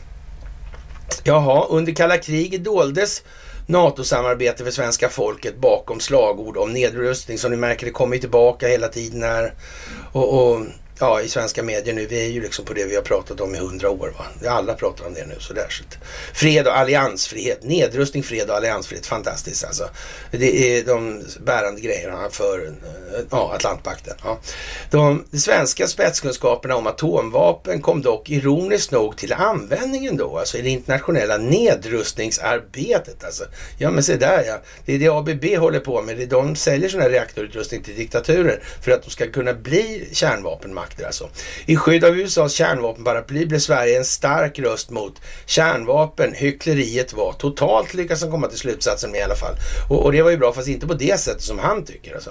Ja, det märkliga är att denna ljusskygga svenska efterkrigshistoria nu lyfts fram som ett ideal av NATO-motståndare alltså ja, som sagt, Maria Schottenius på DNs kultursida drömmer sig tillbaka till den påstått stolta tiden då Sverige kunde agera på världsscenen i kraft av vår fria ställning. Och hon säger nej till NATO som en ny radioaktiv överrock alltså. Ja, jag vet inte. Enfald har vi ingen brist på i det här landet i alla fall. Det torde ju vara helt uppenbart alltså.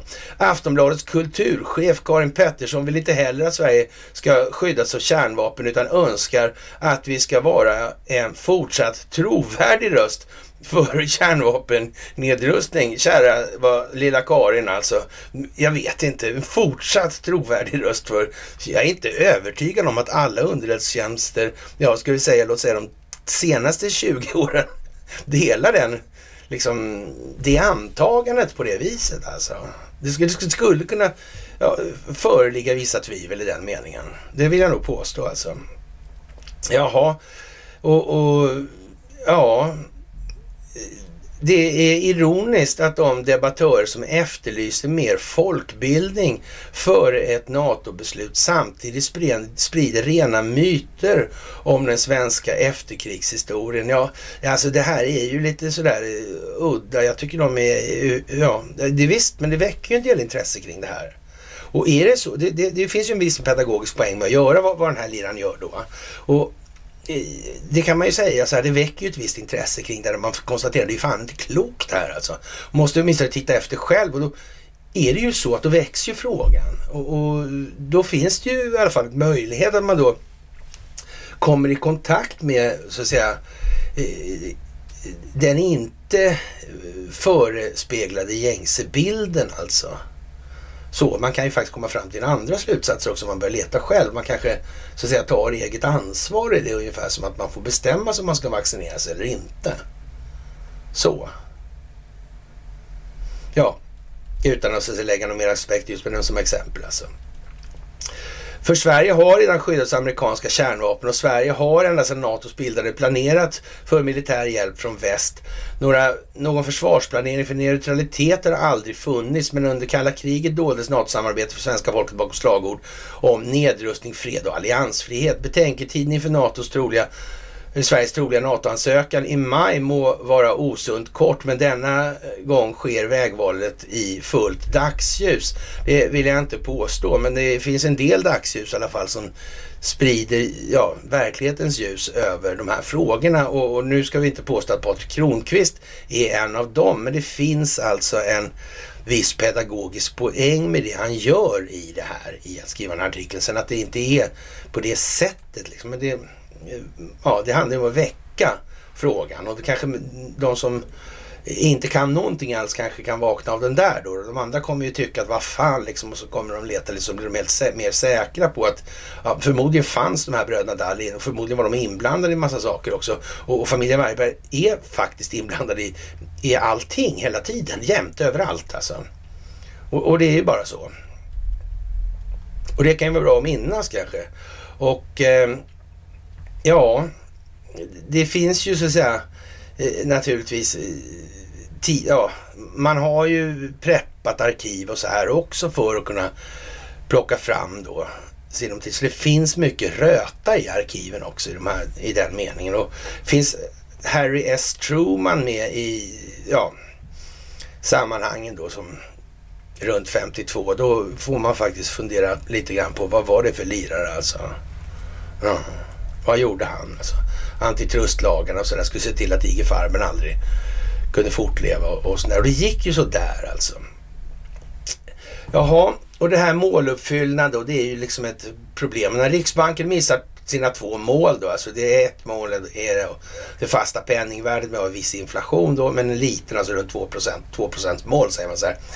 Och ett säkert och effektivt betalningsväsende, det vill säga någonting man kontrollerar själv då alltså. Och, och, jag är inte säker på att staten har så mycket kontosystem. Jag är inte säker på att de äger och kontrollerar så mycket telekominfrastruktur. Det är jag ganska säker på. Jag är helt säker på att när det gäller då de här Swift och IBAN då så är, är de inte statliga de heller alltså. Så, så fråga, det här andra, det är alltså, ja, ett säkert och effektivt betalningsväsende. Det, det vet jag inte riktigt. Hur, hur har de säkerställt det genom att inte ha någon kontroll alls på det? För de kan ju gå in och titta hur som helst i det där. Eller? Mm. Behövs den här jävla riksbankskonstruktionen överhuvudtaget? Vad var det från början det här egentligen? Var kom den första Riksbanken så här? Mm. Och sen var det ju så praktiskt att ha det här och mynta bakom nyllet på kungen. Det var det vanligaste då, från början. Och det här började med den svenska syndafloden. Stockholmsbyråkratins utbredning. Sen kom bankhelvetena. Ja. Är inte det konstigt? Det verkar som någon har tänkt på det där på något vis. Men det kanske det inte är helt enkelt. Det kanske inte är så att någon hade tänkt på det där överhuvudtaget. Ja. Men en Stockholmsbyråkrati uppbackad av ett svenskt rättssystem, ja, det var nog ett framgångsmedel kan man säga. Det blev ju i alla fall som det blev. Det blev den svenska syndafloden. Mm. Det blev jävlar inget lättare för omvärlden i alla fall, så kan vi säga. Ja, som sagt, det är med Ingvar Kamprad som med Astrid Lindgren som med Gustav V. Som med Ingmar Bergman och så vidare. Nationalikonerna. Så var det med det lilla helgonet av Karl Gerhard. Och så där kan det räknas på. Alltid när vi har fått oss till livs en helgonbild. så har alltid det varit etablissemangets tillhandahållande av figur. är det inte konstigt? Är det inte märkligt så säg? Det har aldrig kommit någon från leden av folket. Nej, det har det aldrig gjort. Är inte det konstigt det där? Ja, att det kommer sig. Ja, ja, ja, ja, ja. Jag är döden. ja, som sagt. Solljus eller ljus från verkligheten är det bästa desinfektionsmedlet alltså. Det är författat av Elon Musk, lille Muskis där. Han är rätt så rapp helt enkelt. Och ja, vad fan ska man säga om den saken alltså? Mm. Det kan vara lite D-vitaminer och allt möjligt i den blandade här. Så. Jaha. Nobelpris är väldigt förnämligt alltså. Och det, det, det, måste man ju säga. Det är väldigt fint och, och det är ju en, en sån utmärkelse som etablissemanget har tillhandahållit befolkningen för att titta på. Det finns ju inget roligare för många svenskar än att sitta och titta på de här kläderna och, och sådär. Det är inte fantastiskt. Vilken intellektuell sysselsättning. Faktiskt. Det måste man ju säga. Ja. Doktor Nikola Tesla där, han som, eller ja, Nikola Tesla Ericsson va, heter ett bolag som de har, ett dotterbolag. Men ja, det kan vi väl säga så här då. då. Om, på tal om patent och sådana här grejer. Om tusen år och Nobelpris. Om tusen år kommer det att finnas många mottagare av Nobelpriset. Men jag är, har inte mindre än fyra dussin av mina skapelser initierat med mitt namn i teknisk litteratur. Detta är äkta och, per, detta är äkta och permanent heder som ges, inte av några få som är lämpliga att fela, utan av hela världen som sällan gör ett misstag och för någon av dessa skulle jag ge alla Nobelpris under de kommande tusen åren sa Nikola Tesla där. Och ja, daterat den 16 november 1915 då till en Robert Underwood Johnson. Ja, vad ska man säga? Ja, det är ju som det är.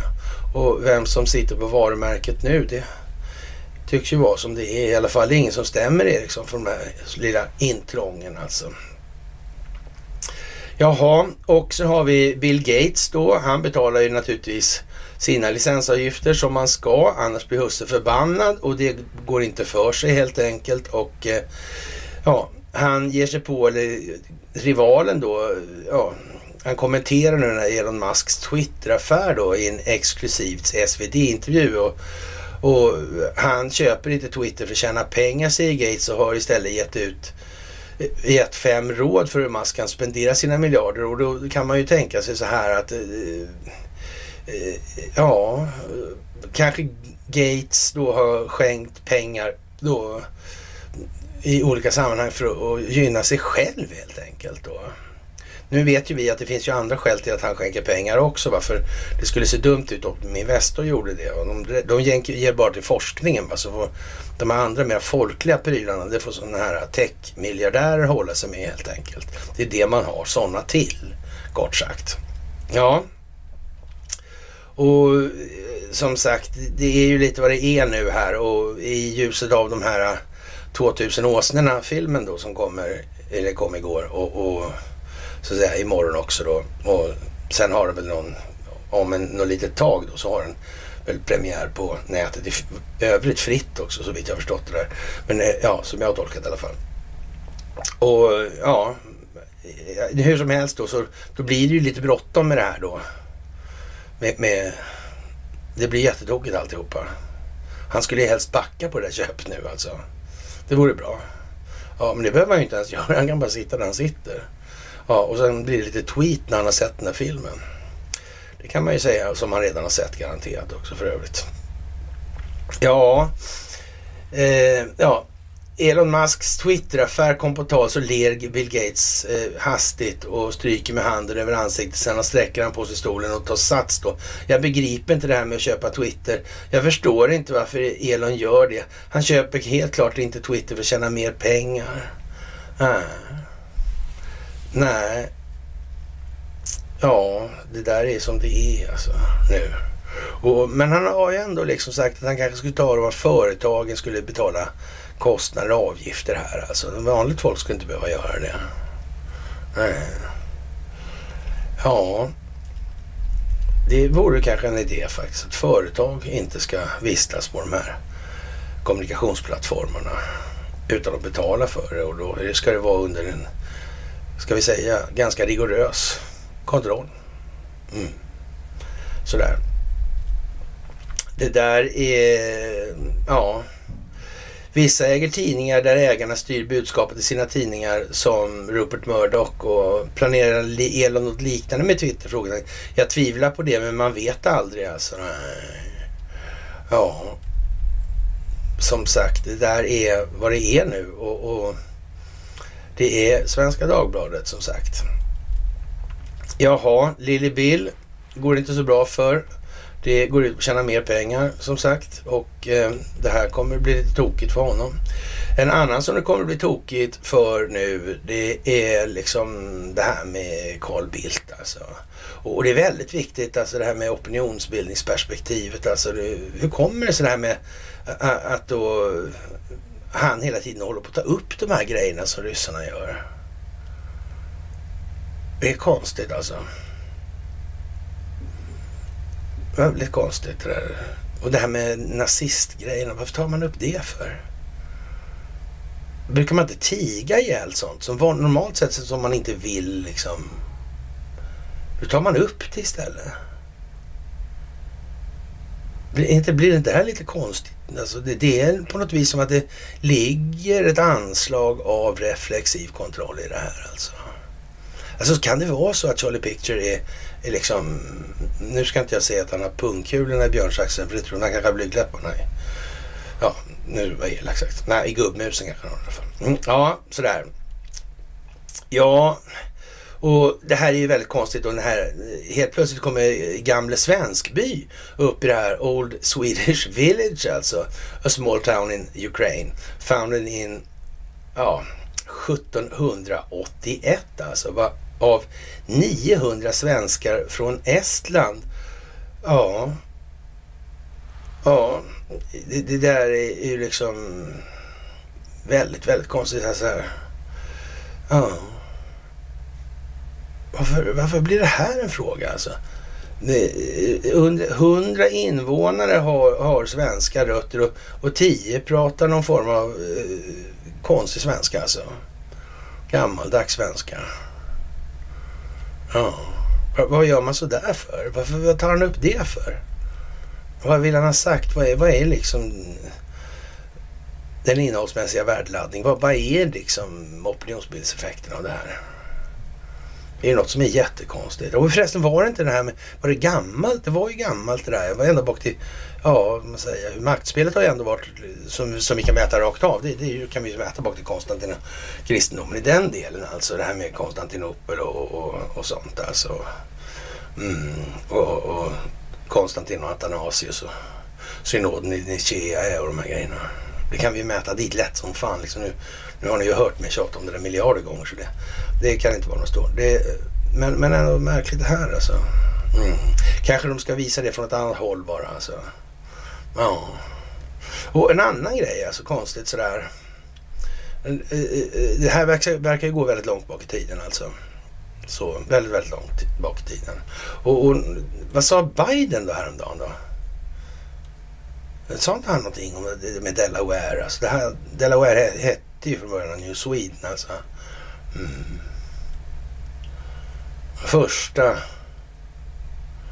amerikanska delstaten. De hade inte haft någon senator alltså, noga räknat. Någonsin. Vad de haft då? Jag vete fan alltså. Det är konstigt alltså. Ja.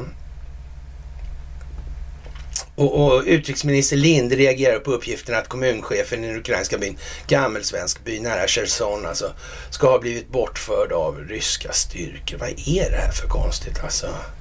Ja, byn har gamla band till Sverige och många invånare har fortsatt att vårda sitt svenska arv. Ingen vet vad han har förts eller vad som har hänt honom, säger Sofia Hoas som är ordförande i föreningen Svenskbyborna på Gotland. Ja, det verkar lukta Hansa i alla fall det här. Alltså, då luktar det handel. Mm, och luktar det handel, ja då finns det ju naturresursflöden i alla fall. Det är helt säkert alltså. Ja, kan det vara så ja. Jag vet inte om ekonomi kanske då. Mm. Jaha. Och där använder de ett annat alfabet också i, i gammelsvensk by. Det är ju lite som det är faktiskt. Ja. Jaha, eh, kulissrivning genom partiförstörande reflexiv kontroll. Sverigedemokraterna vill genomföra en ny folkräkning för att ta reda på hur många som befinner sig illegalt i landet alltså. Och, och det är klart att man, man, måste vara medveten om vilka det här opinionsbildningsmässiga effekter sånt här ger när man går ut med de här signalerna. Sverige står inför omedelbar omedelbara hot från både inre och yttre angripare, säger Sverigedemokraternas partiledare Jimmie Åkesson på en pressträff på tisdagen. Alltså. Och, och, det är ju frågan om, då, om Jimmy är så skarp att han klarar av att spela det här spelet på det viset. Det är inte, inget, inget som tyder på det i alla fall skulle jag vilja påstå. Men, men jag kan ha fel i den meningen. Eh, ja, och, och, då är det ju så. Men det spelar ingen roll för då blir det, det blir ju rätt i alla fall. Då, då. Men, men, jag har svårt att se liksom att det är på det viset. Ingen annan fråga bör vara högre prioriterat än säkerheten under kommande mandatperiod, anför SD-ledaren. Därför ska principen om tryggheten först gälla om partiet får styra innehållet i budgeten. Alltså, och han, han måste nog eh, faktiskt tala om den här budgeten och ekonomin ur ett mer rimligt perspektiv om man ska få någon trovärdighet i de här föregående sakerna han har hållit på med och orerat om då. Det där är lite konstigt. Men den stora merparten av tänkt reformutrymme under nästa mandatperiod kommer att behöva ägnas åt att skapa ett tryggt Sverige, säger han. Partiet vill bland annat höja anslagen till rättsväsendet med 20 miljarder kronor under eh, mandatperioden. Och det är ju låter ju eh, som det låter, men, men hur det här rättssystemet är det jättebra kanske? Det handlar om det svenska rättssystemet, sa Robert O'Brien. Varför pratar inte, eller eh, eh, ja, jag vet inte. Samarbetar kanske Sverigedemokraterna med, med, med Ryssland och Kina? De också då? Eller hur, hur menar man här? Och allt är bara teater för, i själva verket vet man allt det här alltså ja, ja, ja. Och sen så lurar man sina väljare då alltså. Och sen när man väl är vid makten så gör man tvärtom då mot vad de har sagt. De tror ju kanske fortfarande att Putin är mördarfarlig. Ja. Jag vet inte, jag tror inte det är någon bra taktik i så fall alltså. Det är definitivt dålig strategi i alla fall. Det, det, är jag helt säker på om det är så fallet. Ja, men det, det, här är ju rent hypotetiskt jag resonerar nu. Alltså, det är inte någon på, på så vis att jag tror det där. Alltså, det är för alldeles för mycket andra saker som ligger ja, i farans riktning för att eh, ja, Sverigedemokraterna är lite analytiskt otillräckliga helt enkelt. Sådär. Och, och säger ju inte sådana saker som att man, man ja, vi, vi, ska sluta och, och, etablera konflikter utomlands som skapar migrationsrörelser som vi kan använda här hemma till exempel för att göra vårt parti populära då. då. Till exempel. Och så vidare. Nej, de är inte riktigt på den nivån helt enkelt. Jaha, Sverigedemokraternas rättspolitiska talesperson Tobias Andersson säger att man vill genomföra en kartläggning av parallellsamhällena. Partiet vill bland annat genomföra en nationell folkräkning för att ta reda på hur många som befinner sig i landet och upptäcka ja, vilka som eventuellt finns här illegalt. Alltså. En sådan bör genomföras proaktivt och offensivt anser partiet. Det kommer att krävas nya verktyg, säger Andersson. Konkret handlar det exempelvis om mätningar av vatten och el sätts i relation till antalet bok, folkbordfärda i området alltså. Eh, eh, jaha, det finns inte, går inte bara att läsa på räkningarna då kanske? Jag vet inte. Man vill dessutom att myndigheter genomför oannonserade, oannonserade heter det inte, det oannonserade gryningsräder, plural sådär, mot adresser där det misstänks bo fler än det som är bokförda där. Polisen bör medverka och öppna upp bostäder där det behövs, anses, anser partiet. Jag vet inte om den operativa polisiära verksamheten är det ämne som de är bäst skickade att uttala sig om. Alltså, de kanske kan ringa på dörren till exempel och, och, och någon öppnar. Är det liksom... Det, meningen är alltså att man ska storma in med buller och bång. Det är liksom ett primärsyfte det där alltså. Ja men om det är sånt jävla primärsyfte då kan man de göra det ändå. Då behöver de inte... Om det är det primära syftet då är det det primära syftet. Det är väl bara att bryta upp dörrar på morgnarna i största allmänhet. Eller hur fan tänker de här egentligen? Jaha. Och eh, ja, de som eh, ja, upptäcks då och som inte kan visa att de befinner sig legalt i Sverige ska enligt SD omedelbart utvisas och jaha, biometriskt register är man för också. En tredje SD-förslag är alltså samordningsnummer, identitetsbeteckningar för personer som inte är folkbordförda i Sverige makuleras i takt med utvisningar. Och eh, när nya sanktion eller nya samordningsnummer upprättas ska de kompletteras med biometrisk information som fingeravtryck och ankänning, ansiktsigenkänning redaktionens anmärkning. Och, och, ja, med inspiration från Danmark så kallade gettopaket vill eh, SD också ta ett nytt helhetsgrepp kring utsatta områden. Tobias Andersson säger att det till exempel kan handla om att riva områden eller att i samarbete med kommunala aktörer ja, fräscha upp och genomföra trygghetshöjande insatser. Ja, eh, det är ju inte liksom de flesta klarar ju faktiskt av nu och, och, och, och ser liksom att jag vet inte om det där är så smart alltså. Det där kan vara lite tokigt. Det kan komma människor som faktiskt tänker på sig själva först och som kommer att använda det här på ett eller annat sätt. Mm. Ve och fas om det kom in någon i förvaltningen där som till exempel skulle börja tala om att det blir gryningsrädd hemma hos den här och den här. Det är någon som vill, skulle kunna tänka sig att betala för det kanske. För, att, för att röja bevisning. Skulle det kunna vara det? Skulle en svensk kunna komma på och ha det som affärsidé? Det skulle ju vara omöjligt. Okej. Okay. Ja. Och, och, som sagt, det där är svårt med att den djupa staten existerar inte. Alltså det är statsförvaltningen, den är fantastisk här alltså. Sen kommer nationella säkerhetsrådgivare från USA och säger att det är så här lagom fantastiskt bara. Lill-fantastiskt kanske. Småfantastiskt eller till och med ofantastiskt. Ja, jag vet inte. Eller så gör jag ju det. Jaha, det handlar om eh, säkra 2024-valet då och återregistrera alla väljare efter mellanårsvalet här och eh, ja, det är ju som det är faktiskt och eh, nationens framtid beror på hur amerikaner återställer tron på sin valprocess inför nästa presidentval då, noterar man här. Och eh, man tillägger då också att man kan vara lättad över att det inte har förekommit något våld i kölvattnet av det här stulna valet då. Och nu är det ju som sagt, nu kommer te tempot växlas upp något så in i helvete alltså. Tack och lov fortsätter Amerika vara ett exempel för världen och det är så, i så mått är det ju rätt alltså. Genom att grupper som ja, fortfarande strävar efter sanningen och så kommer att bli starkare.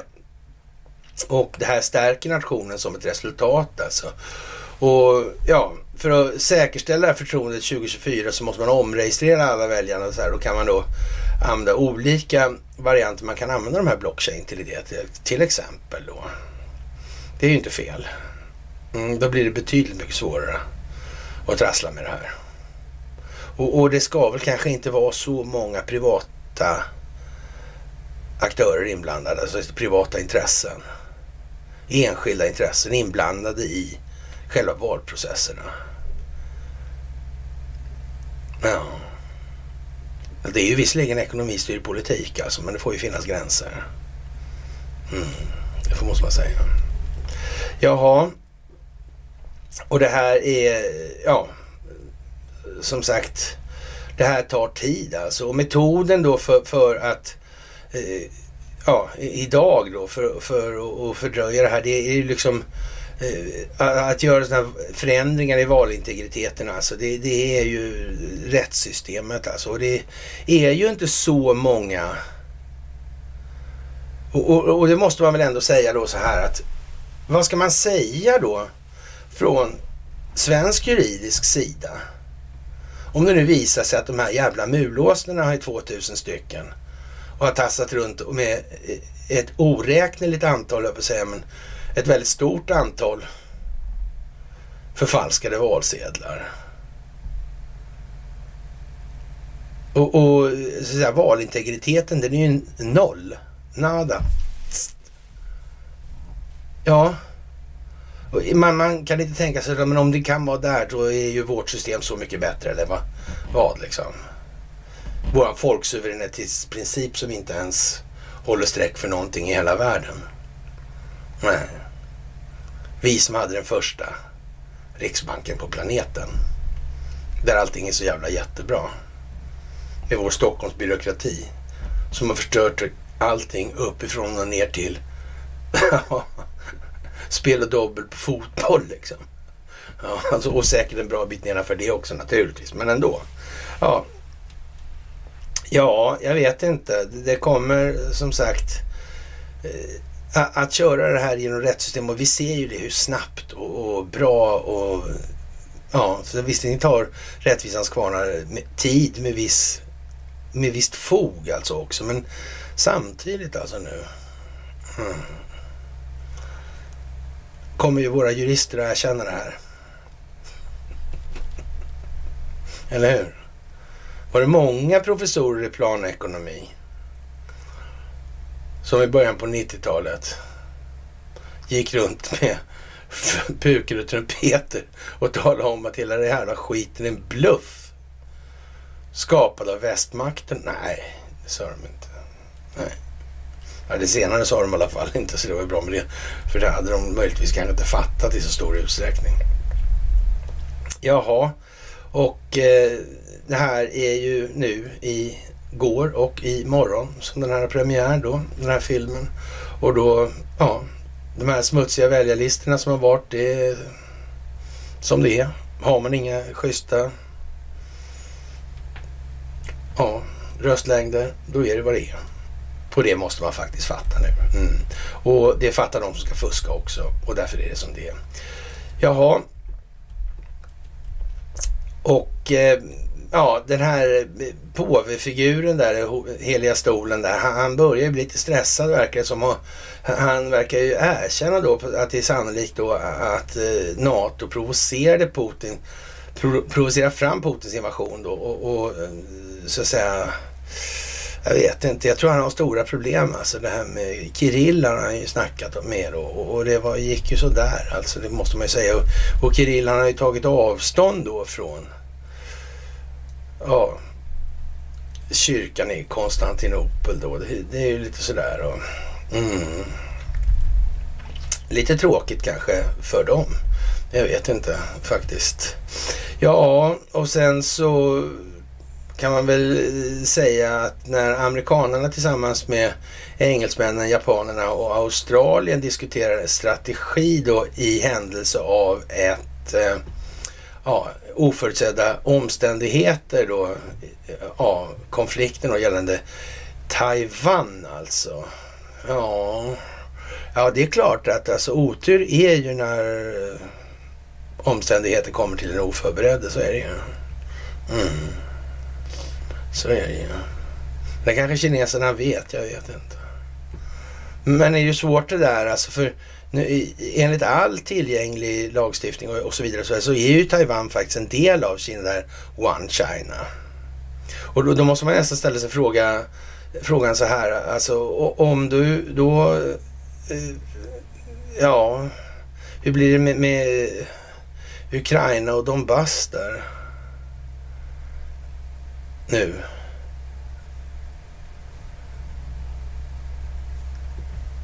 Eh, de ska få gå och köra över där och bomba och ha sig. Men det ska inte Kina få göra. Nej. Nej, ah, nej. Mm.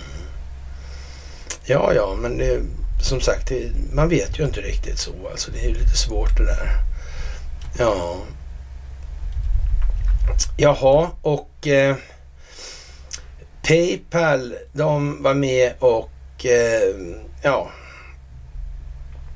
gnölade på, ja, vad ska vi säga, klagomålen på Apples payments, alltså de här App Store då. Och jag vet inte. Det, ja, Donald, eller säga, Elon Musk tycker att det är liksom, det är som att ha 30% skatt på, på internet. Alltså det är verkligen inte okej okay, alltså. Mm. Men Apple betalar ju någonstans. Så är det ju också. Och vem betalar vad och varför? Mm. Vem sitter var i det här? I näringskedjan. Och, och det här är som sagt det är konstigt. Varför slår alla svenska medier upp det här? Vad ryska medier gör? När, när gjorde man det senast? Det gör man ju aldrig. Jag menar, det är ju det är bara lögner som står i de där medierna. Det vet vi ju, det har vi ju lärt oss. De har ju inte så här fria medier som vi har här i Sverige. Eller hur är det man säger? Det står ju på Facebook att kan innehålla, eller de här medierna kan vara statskontrollerade. Bla, bla, bla, sådär. Och nu när det här med, det står om svenskarna där så så är det inte så längre. Först är de inte trovärdiga. Och nu är de trovärdiga. Nu är de... Och varför skiter man inte bara i det där då? Vill man, varför vill man att svenska befolkningen ska se det där? Mm. De ska enas mot en yttre fienden kanske. Jaha. Ja, ja. Eller också så är det ju så här alltså att det finns liksom ett inslag av reflexiv kontroll i det här hela tiden. Alltså man är tvungen att göra olika saker som ger vissa reaktioner som förefaller kanske först vara lite sådär va? i förhållande till vad det har varit tidigare. Men det har ju blivit så att säga mer accentuerat vad det här egentligen handlar om nu. Och det får man väl ta med sig på kvällarna när man går och lägger sig alltså. Och ja, som sagt. Det är mycket tråkigt det här med det som händer i Ryssland och vad de håller på med i Ukraina, säger alltså en svensk ambassadör till Fox News då. Och, och som sagt, och vi är tvungna att lägga till att vi har ett, angående det här med att gå med i NATO, så är man tvungen att säga att vi har ett jättestort militärindustriellt komplex och vi kommer vara mycket välkomna dit helt enkelt. Mm. Jag vet inte alltså. Hur var det där med finansieringen av Adolf Hitler egentligen? Ja, ja, ja, ja, ja, ja. Ja, det är ju som det är alltså. Och eh, nu är det alltså en publicitetskampanj i Moskva alltså som säger att Sverige är ett land bestående av nazister och eh, ja, finns det några gränser för de här lirarna alltså? Det är, ja, den kanske för, de kanske förbereder en avnazifiering då, en avnazifieringsoperation mot Sverige också då. Och eh, ja, det är klart att då, det, det gör ju alltså, ja, det konsoliderar stödet för en NATO-anslutning i Sverige. Carl Bildt alltså. Mm. Jaha. ja, ja, jag vet inte. Det är ju som det är. Han sa ju en gång när han frågade vad de hade rökt för något konstigt. Alltså. Ja, ja, ja, ja. Det är väl som det är. Ja, mycket speciellt helt enkelt. Stefan Ingves, ja, han har fått frågan vad skuldmättnad var. Och, och det svaret var väl då så bankprosaiskt som ett svar kan förväntas vara av en schaman och estradör som Åsa-Nisse. Ja, vad ska vi säga? Fantastiskt. Fantastiskt. Inte ett öga är torrt alltså. Jaha, och som sagt Astrid Lindgren möjligen kan man tänka sig då att just det här med, med ja, Ivor Thor, Thor Grey där, alltså det är ju, ja, och han, hon öppnar ju ett och annat brev också sådär och, och i den svängen. Här. Det kan man väl nästan eh, säga faktiskt. Och att man så att säga har förskönat olika saker som de här helgonen då har gjort eller ja, bedrivit i sin vandel och handel. Det är ju också helt uppenbart alltså. Och därför är den här låten med Karl Gerd, den är väldigt bra. Alltså, så var det med lilla, det lilla helgonet alltså. Det är inte dumt. Där finns Notin med till exempel. Och det finns Heliga Birgitta och det finns lite olika. Det finns till och med Snodas också förresten. Ja, från bröd och skådespelssidan då. då. Mm. Ja, ja, det kan ju vara som det är. Det kan ju vara bra att hålla reda på faktiskt. Ja, och eh, man anklagar länder för att ha nazifierats. Det är retorik som används flitigt under Rysslands invasion av Ukraina. De har motiverat invasionen med att Ukrainas befolkning, särskilt den rysktalande delen, måste befrias från nazisternas klor alltså.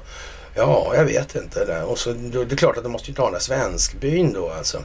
Ukrainas president Zelensky då har till och med jämförts med Adolf Hitler, något som Zelensky svarade på så sent som igår kväll, det var häromdagen. Alltså, jag har inga ord.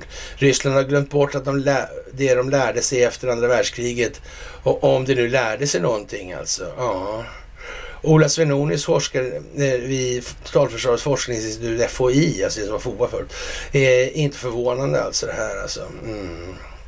Ja, jag vet inte vad man ska säga egentligen. Det börjar ju bli lite störtlöjligt, eller det är störtlöjligt helt enkelt. Kort sagt. Och eh, det här med läckorna i amerikanska högsta domstolen, det är ju liksom vad, det är ju den optik det är. Alltså det ger ju det signal värde eller värdeladdningsmässiga innehåll som det förmedlar. Alltså det, är ju, det är ju bara så. Och, och, det finns en tanke med det här alltihopa och ingenting annat. Och jag får en massa mess och sådär. Och hur vet du det? Hur vet du det? Hur vet du det? Liksom. Nu, nu är det ju en gång så att det, man måste ju kunna begripa fundament, man måste ju kunna begripa vad som är pro, frågeställningen. Om det nu är global, globala företag, globalism alltså, då är det ju någonting som verkar över flera landsgränser. Det är svårt att tolka på något annat vis. Alltså. Och, och när man inte ens förstår det, då är det ju jätteknöligt. Det innebär alltså att om man ska kunna påverka situationen, då måste man ha förmågan till det också. Ja. Och det kan man inte göra som en e- enskild part som dessutom är beroende av den här jävla skiten. För sin egen existens. Det går ju inte. Den djupa staten är någonting som måste motverkas koordinerat av de länder som har haft problem med forna kolonialväldeskrafter som numera har gått under ytan då, eller under jord i det meningen i långt mycket större omfattning än tidigare. Ja, och eh, vad ska man säga? Det var amerikanska företag då, Pentagon inblandade i de här biokemlabben och det är klart att ja, vad ska vi säga? Det är helt fantastiskt naturligtvis och eh, Vladimir Putin, han ska opereras för cancer, skränar svenska medier om och ja, jag vet inte. Och han införde hur som helst eh, ett paket med ekonomiska sanktioner igår då. då. Och eh, ja, vad ska vi säga? Det är ju, han, han, kommer ju, han ligger ju som sagt sömnlös över de här stackars oligarkerna som blir av med sina egendomar alltså. Och ja, man har fått tio dagar på sig då, ett ministerkabinett då för att fastställa listan över personer som skulle omfattas av de ömsesidiga sanktionerna i det här. Man kommer att vara då så att säga symmetrisk i sin motåtgärd i det här och det är precis som vi har sagt tidigare. Det är någonting som gynnar USA och det är någonting som gynnar Ryssland alltså. Mm. Så, men det är ju bra. Ja, ja. Och Eh, det kommer naturligtvis bli, de nya åtgärderna förbjuder statliga myndigheter, organisationer och individer att utföra transaktioner inklusive underteckna externa handelskontrakt med juridiska personer, individer och organisationer på den nya svarta listan. Dekretet, för då sitter de och bollar det här alltså då vad, i vad som kommer då. Och eh, ja, vad, vad, ska man säga alltså egentligen alltså det är Ja, det här kommer efter att USA och EU i flera omgångar lagt sådana oöverträffade ekonomiska sanktioner mot varandra. Och, och, ja, som sagt, det är tillgångar från ryska centralbanken. Det börjar där och nu är vi nere på båtarna hos oligarkerna. Och håller vi på ett tag till här nu så ska vi se att det här blir fina fisken helt enkelt. Ja, och den amerikanska statsskulden går i taket och den kommer aldrig kunna betalas. Så är det också. Och det här med hon, eh, ja, Myanmars ledare Wang då, Awang, Aung heter hon förresten. Aung, ja, Suu då, har ställts inför rätta i ny korruptionshärva då, då och, och då har hon tagit 550 000 dollar i mutor från en byggmagnat. Och det verkar precis samma ja, modus operandi som ja, i USA, där Sassman-historia alltså. Durham-modellen mm, liksom i det här. Det blir bara mer hela tiden. Det blir bara mer. Och vem vet alltså. Kan Myanmar vara en sån grej? Där telekom finns. Kan det vara så? Det vet vi inte om det finns telefoner där. Hon har ju smugglat in walkie-talkies i alla fall av någon anledning. Det kanske har ett samband på något vis det där. Ja, ja, ja, ja. Nu åkte hon fast för. Mm. Konstigt. Ja, ja, ja, ja. Jaha, och norska stjärnans eh, ja, reaktioner där och en, en skidmupp då, då som reagerar på en bild på en skidrival som har uniform på sig och, och ja, vad ska man säga? Som sagt, ja vi kan säga som så att när det kommer till den katolska kyrkan så kommer det hända massa saker och den ortodoxa kyrkans Eh, Moskva patriarkat klippte 2018 av banden med patriarkatet i Konstantinopel efter att den ortodoxa kyrkan i Ukraina beviljas självständighet. Och det, där kan man ju säga så här, det undrar jag vem som låg bakom och vad som var syftet som sagt. Den ortodoxa kyrkan i Ukraina hade hört till Moskva-patriarkatet de senaste 300 åren och just nu kom de alltså på det här. Och man kan ju säga så här att Eh, Konstantin den store då, han Konstantinopel-Konstantin där, han och Athanasius då befinner sig lite i en trovärdighetsmässig utförsbacke på, eller så sagt, sluttande planet som består av nattgammal is de också helt enkelt. Det bär så länge det inte brister. Och eh, ja, vad ska man säga? Eh, ja, han, påven har inga planer på att resa till Kiev men har skickat kardinalerna dit istället. Och eh, först behöver jag resa till Moskva. Först måste jag träffa Putin men jag är också en präst. Vad kan jag göra? Jag, jag gör vad jag kan och om Putin skulle öppna sin dörr, säger påven. Eh, när han får en fråga om huruvida den rysk-ortodoxa kyrkans patriark Kirill skulle kunna bidra till att med, beveka den ryske presidenten beskrivs det hur påven skakar på huvudet. Jag pratade med Kirill i 40 minuter via Zoom. Under de första 20 eh, med ett kort i, i, sin hand. Han läste upp allt som skulle rättfärdiga kriget för mig. Jag lyssnade och sa till honom, jag förstår ingenting av det här. Min bror, vi, vi är inte statens predikanter. Vi kan inte använda det politiska språket utan endast Jesus språk alltså. Och det är ju det där alltså. Vi är tillbaka vid arianska krigen alltså i det här, i den kyrkliga meningen just nu. Och jag har väl dragit en lans för det här rätt många gånger skulle man kunna säga. Pröva mig oändligt eller så. Ja, ja, men det har varit roligt i alla fall. Det här blir bra, alldeles säkert alltså. Och eh, som sagt, det gick inte så bra för Alibaba under gårdagen, men det kanske reder sig, vem vet om det, ja, och så vidare. Och eh, det går inte så bra för ja, Morgan Stanley i, i Frankfurt heller minsann. Den fick en gryningsräd, kanske var Sverigedemokraterna som låg bakom, det vet man ju inte i de här tiderna. Och eh, ja, det här med eh, Hunter Biden, han har rest till Moskva för att träffa de här ryska oligarkerna och en finns på ja, den brittiska sanktionslistan men inte på den amerikanska, märkligt nog.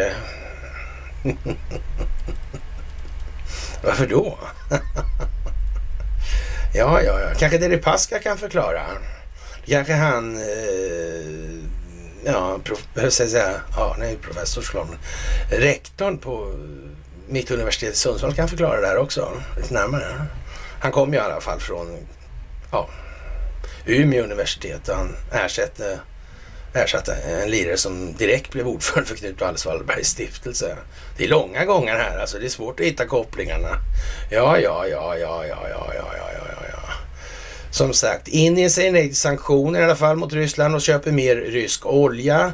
Och det här Indien har ingenting med Palmefamiljen att göra, inte familjen Wallenberg genom Ericsson och inte med Hans Mattsson som byggde järnvägarna där eller Storbritannien som släppte in eh, Ericsson i Indien och de har ingenting med USA att göra. Och de säger så här, Narendra Modi, han säger så här att vi måste stå upp för vilka vi är och jag tycker att det är bättre att engagera världen baseras på vilka vi är istället för att behaga världen som en blek imitation av vilka de är.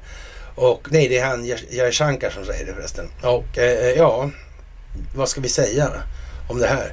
Indien har en tradition av goda relationer med Ryssland efter det brittiska herraväldet. Det finns också en bestämd vilja att värna en med ja, större självständighet. Alltså det, därtill är merparten av militärens vapen ryska för att nämna några faktorer. Men relationen mellan Indien och USA är trots frågan om Ukraina starkare än vad man tror enligt landets tidigare säkerhetsrådgivare eh, Shiv Shankar Menon. Vi tycker att eh, vi tycker om att betona gemensamma principer och demokratiska värderingar men den solida basen är, gemen, är gemensamma intressen säger man som till Foreign Policy. Stöta bort Indien med sina 1,4 miljarder invånare och forcera fram ett politiskt block med Kina och Ryssland vore ett mardrömsscenario för ja, väst. Någon regering i New Delhi, något regeringen i New Delhi är väl medvetna om här då. Och det är Aftonbladet som eh, faktiskt tar upp det här och ja, vi får väl se vad det blir av den saken. Och eh, mm, som sagt, eh, det är som det är. Och det här i ljuset av vad som sker i USA och, och Ja, vad ska vi säga mer? Det är ju bara att konstatera att det här kommer att bli väldigt lustigt. Vi har tagit upp det här med Ivor Thor Grey igen då och jag vet inte vilken gång i ordningen. Det är bara att googla lite eller titta, söka lite på bloggen där så hittar ni de här sakerna nu gång efter gång. För det är jättebra att det faktiskt är jättemånga som gör det. är flera tusen människor om dagen som gör det här. Och, och det får man ju säga är fantastiskt helt enkelt. Otroligt bra faktiskt. Det är jätte, jätteroligt att konstatera. Och eh, ja, jag vet inte, vi kan väl eh, säga att GIF Sundsvall har nytt rekordavtal. Kommunen satsar mer än någonsin, alltså de är viktiga för stan. Jag vet inte om det där med idrottssponsring och Skifö kanske skulle kunna vara någonting att tänka på i sammanhanget. Och om inte man tänker på det kan man väl tänka på att springa runt och oligarka sig lite grann kanske. Har man kanske haft något avtal med någon tidigare? Jag vet inte. Hur fungerar det där egentligen? Ja, Sundsvalls, eller Mittuniversitet hade ju i alla fall ett avtal med Kubal alltså. Mm. Ja, men och, och Vladimir Putin han känner inte alls till de här grejerna. Han har inte spelat fram det här. Nej, det har han inte gjort. Nej, nej. Mm. Och det sitter inte i vägarna i industrin. Nej, det gör inte heller. Nej, nej, nej. Mm. Precis, men det kommer säkert inte ut heller. Ja, som sagt, skränet som blev när man pekade ut Astrid Lindgren som nazist. Alltså, man tänkte ju lite grann, så, eller jag tänkte i alla fall, han är värsta, man, fan kan det värsta vara liksom. Inte heliga Birgitta, men sådär alltså, nej. Det går inte. Inte Karin Månsdotter och sånt där liksom, skit. Det går inte. Han var en riktig harpa där. Sa en historia, en av de mera skarpa. Mm. Ja. Med Göran Persson Hon hade en son mot höga räntor gav kärringen lån. Jag vet fan var fick han det där ifrån alltså. Ja, ja, men ni kan ju lyssna på den där Så var det med det lilla helgonet. Det är ganska bra alltså. Kan man säga. Det är riktigt bra. Ja, och eh, jag vet inte faktiskt egentligen om... Eh, ja, någon måste ju... Jag vet inte. Nej, ja, Ingvar Stenmark är ju bra alltså. Sådär. Han har jag aldrig haft. Men Snoddas var också bra alltså. Ja, det var ju det alltså. Man tänker idrotts... Jag vet inte. Finns det några byråkratiska föredömen här? Det blir inte Torsten Nothin i alla fall. För han gick ju tid redan medan han var aktiv. Så han blir det inte. Nej. Ja, vad har vi för några helgon? egentligen. Så var det med det lilla helgonet. Ja, ja, jag vet inte. Det är ju väldigt konstigt det där. Ja, kanske är Magdalena Andersson som är vårt eh, helgon. jag tror inte det. Hon är gift med Stefan Friberg och han är inget helgon. Han är expert på valutaregimen och har Jakob Wallenbergs professur på Handelshögskolan i Stockholm. Så han, hon kan inte vara ett helgon på det viset alltså. Ja, statsminister Magdalena Andersson ger sig ut på en tre dagar lång Europaturné ja, och för där säkerhetspolitik och NATO står på agendan. Och på torsdag är hon värd för en internationell givarkonferens till stöd för Ukraina. Ukraina slåss ju för möjligheten att eller för fria och demokratiska stater att välja sin egen framtid. Och i någon mån slåss de för oss också, säger hon i en intervju. Och i någon mån kan man hålla med Magdalena om det faktiskt är så alltså.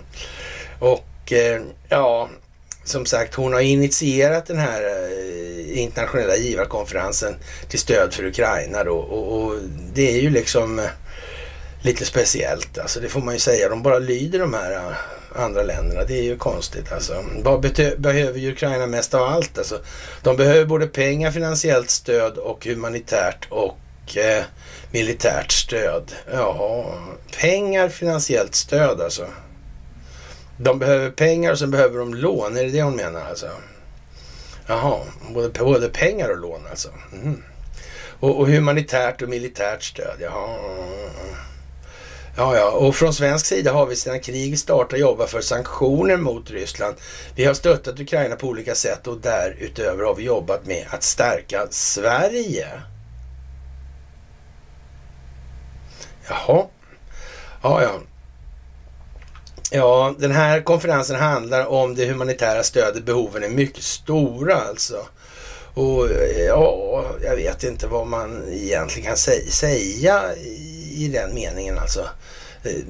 Det börjar ju bli lite smått löjeväckande, men jag tycker faktiskt hon spelar ju bra sådär alltså. Och eh, Peter Hultqvist har lovat att Sverige inte ska stå med i NATO så länge han är försvarsminister. Kan han sitta kvar då? då? Det sa han inför ombuden på kongressen i höstas. Det har ju hänt något sedan dess alltså. Nämligen att kartan helt har ritats om när Ryssland invaderat sitt grannland. Eh, så svaret är ja, va? absolut. Och Peter är i allra högsta grad involverad i processen. Han är också med i överläggningarna med riksdagens partier i, i och i den i partiinterna dialogerna. Så Sverige kan Sverige stå utanför NATO om Finland går med? Vi fattar vårt eget beslut i Sverige så självklart kan vi det. Men det, med det sagt så är det ju klart att Sverige påverkas om Finland söker medlemskap i NATO. Ryssarna har ju har sagt att de ska komma med åtgärder. Det riskerar att höja spänningarna ytterligare i vårt närområde. Mm, så är det nog ja. Men de där vapnen är ju redan levererade. Mm. Är inte det konstig grej i den här ekvationen? Mm. Det handlar nog om att få liksom lite luft i, i högtalarna där. Alltså, så. Ja. Så att nu blir det hotfullt här och då måste vi ta hit folk. Alltså. Och när de väl är här så då kan de hålla ut underlivsporslinet så länge. De här jävla åsnorna, det är ett problem alltså.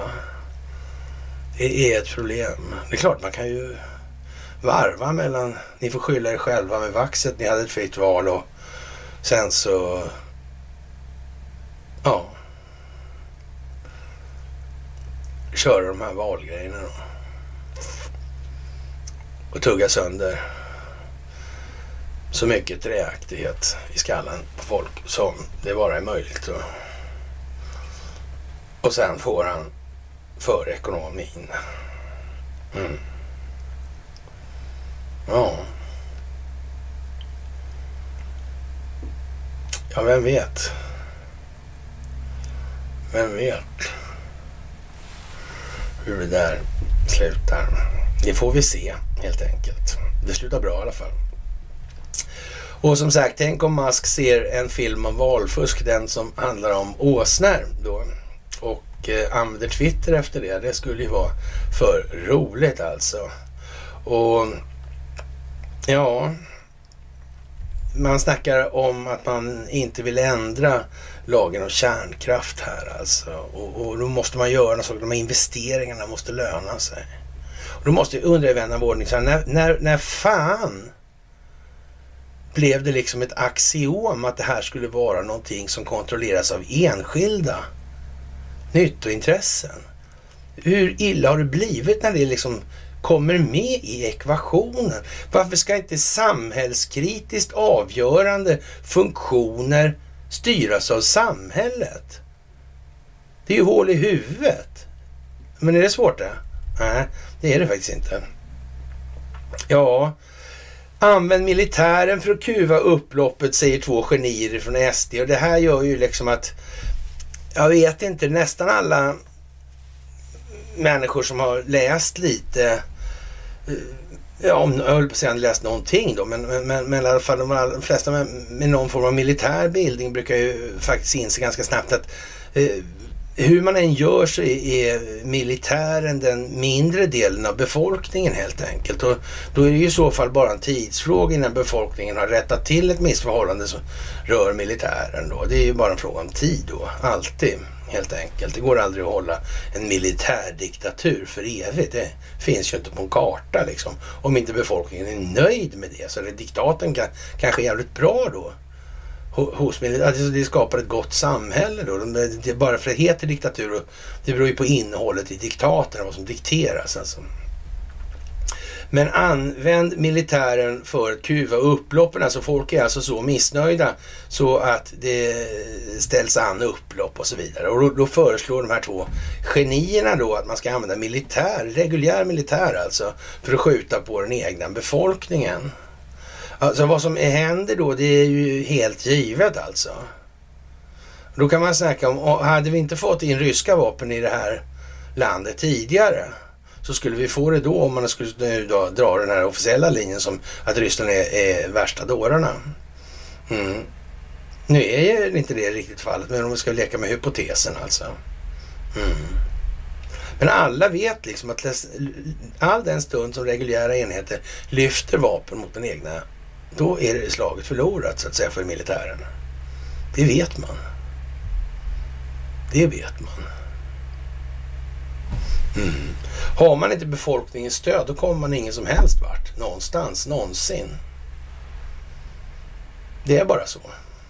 Det är alltså en naivitet och dumhet bakom ett sånt uttalande. Att man, eh, ja vad ska man säga, vi, vi kommenterar den här, när den djupa staten inte existerar då, så det, man kör ju det caset då på nästa sida. Alltså. Så därför är det här då liksom en väckarklocka i form av reflexiv kontroll. Det här är så dumt. Så det här är gjort för att väcka Sverigedemokrater. De fattar liksom att använd militären för att kuva upplopp. Ja men tänk nu om de här militärerna vill, tycker att så vi kuvar lite upplopp idag helt enkelt. Så, vilka upplopp och vem avgör varför? Det finns ingen djup stat i Sverige. Det finns ingen korruption i statsförvaltningen överhuvudtaget. Så det här skulle aldrig användas godtyckligt i politiska syften. Eller hur? Nej, men sådär. Det, det är som svårt att se hur man inte fattar det jätteklart liksom. Jaha. Det här med, ja, ska man säga, eh, Renegade då, eller Barack Obama tog det smeknamnet, det vill säga det kodordet tog han. Hur fan kom det sig alltså? ja, det kan man ju säga är lite speciellt alltså. Som en del av åtalen mot tidigare Clinton-kampanj och DNC-advokaten Michael Sassman har Durham börjat begära ut massa e-postmeddelanden och kommunikationer som man kommer få ut här. Och det, är, är då, det fastställer ju då att Fusion GPS och, och så vidare, här med Perkins Coy och så vidare är alltså ja, har satt sig själv i burken helt enkelt. Det är bara, eller dykt ner i burken. Och det är bara fotsulorna som sticker upp i det här fallet. Och det, det kan man ju säga, det här kommer bli pinsamt värre faktiskt. Jaha, och eh, jag vet inte egentligen alltså. Som sagt, det vart ju ingenting med det här Roe versus Wade då. Det, det blev ju inget med det. Det var ju bara visade då hur situationen är med korruptionen i domstolen. Det var ju, och egentligen så är det ju liksom ingen fråga, men den, den måste ju tas upp sen, sen i alla fall, men ändå alltså. Mm. Och det här med Margaret Sanger, RFSL och så vidare. Industrin med fosterhandel. Vem fan ligger bakom? Vem fan ligger bakom? Ja, Talse Gabbard, eh, ja, är då frispråkig nu. Hon säger att Obama ligger bakom det här sanningsministeriet och det kan man väl säga då. Frågan är alltså med vilket ja, syfte han gör det. Han gör det i alla fall nu, och, men är han med, medspelare eller motspelare? Det återstår faktiskt att se. Vi ska inte helt... Eh, jag menar, det, trots allt måste han själv veta om det här med födelseattester och allting sådär. Ja, men vi får helt enkelt se här. Sådär och eh, ja, man har flyttat massa ukrainare och det är ju ja, vad som pågår för militär verksamhet där nere. Det är väl kanske lite underordnat just nu alltså.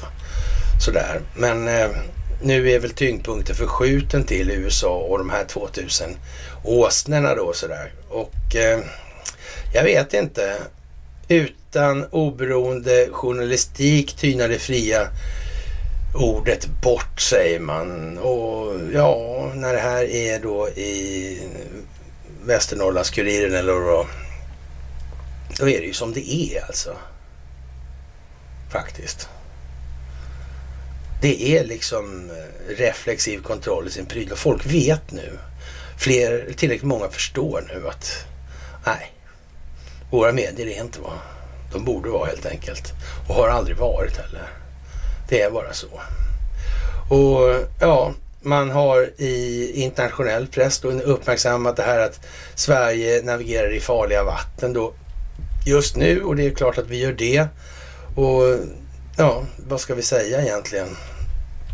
Vi kan inte liksom göra så mycket åt det här just nu. Vi kan upplysa våra medmänniskor här i landet och vi kan upplysa vår omvärld att vi upplyser om det här genom att upplysa dem på engelska då till exempel. Det kan vi göra. Och som sagt, Malis styrande militärjunta bryter försvarsavtalet med Frankrike och eh, man uppger att de franska styrkorna i landet begått flagranta övergrepp på Malis suveränitet. Och det kan man väl lugnt säga då. då. Och eh, ja, med det kära vänner så tror jag väl, eh, ja, vi har väl kommit en bra bit i alla fall. Och som sagt, det är ju lite sådär uh, udda måste man säga. När man kan sitta och läsa ur gamla böcker på det sättet som jag gjorde inledningsvis. Och många tycker att, men vad fan. Ja, hur kommer det sig att man på Aftonbladet inte kommer ihåg de här grejerna? Man vet inte det. Alltså man, det man har skrivit själv, det har man ingen aning om. Så. Ja, ni ska ha det största tack för att vi gör det här tillsammans. Verkligen fantastiskt. Och med det så rundar vi väl av här idag och eh, vi hörs senast på fredag. Och så önskar jag alla er en riktigt trevlig pig lördag